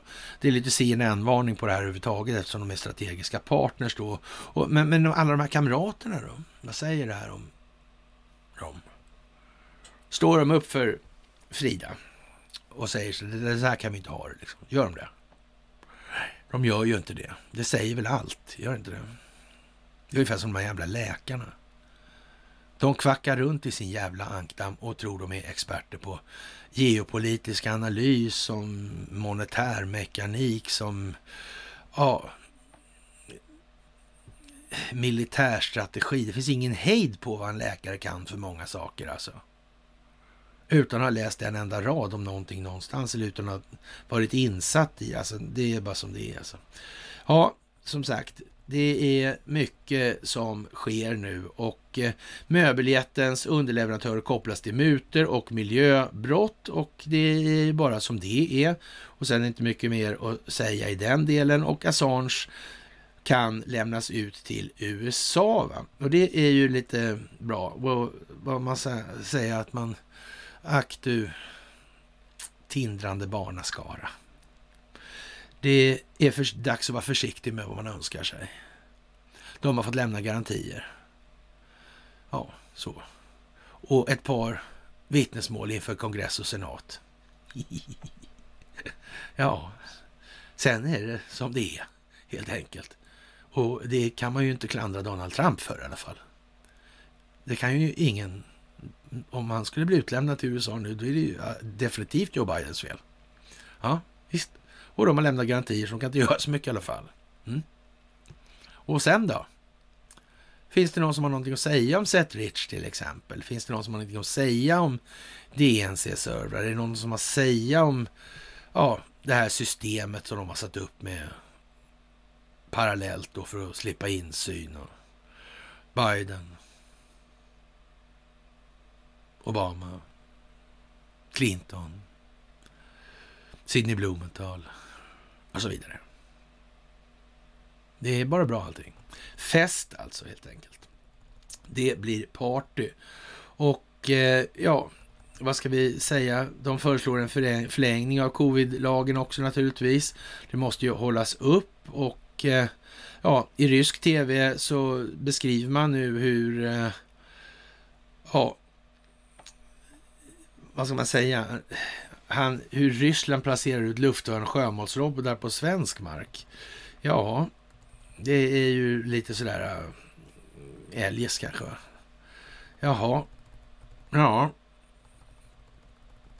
Vad ska vi säga mer? Ja, Maggan har ju avgått. Vi är ju liksom som det är nu och vi...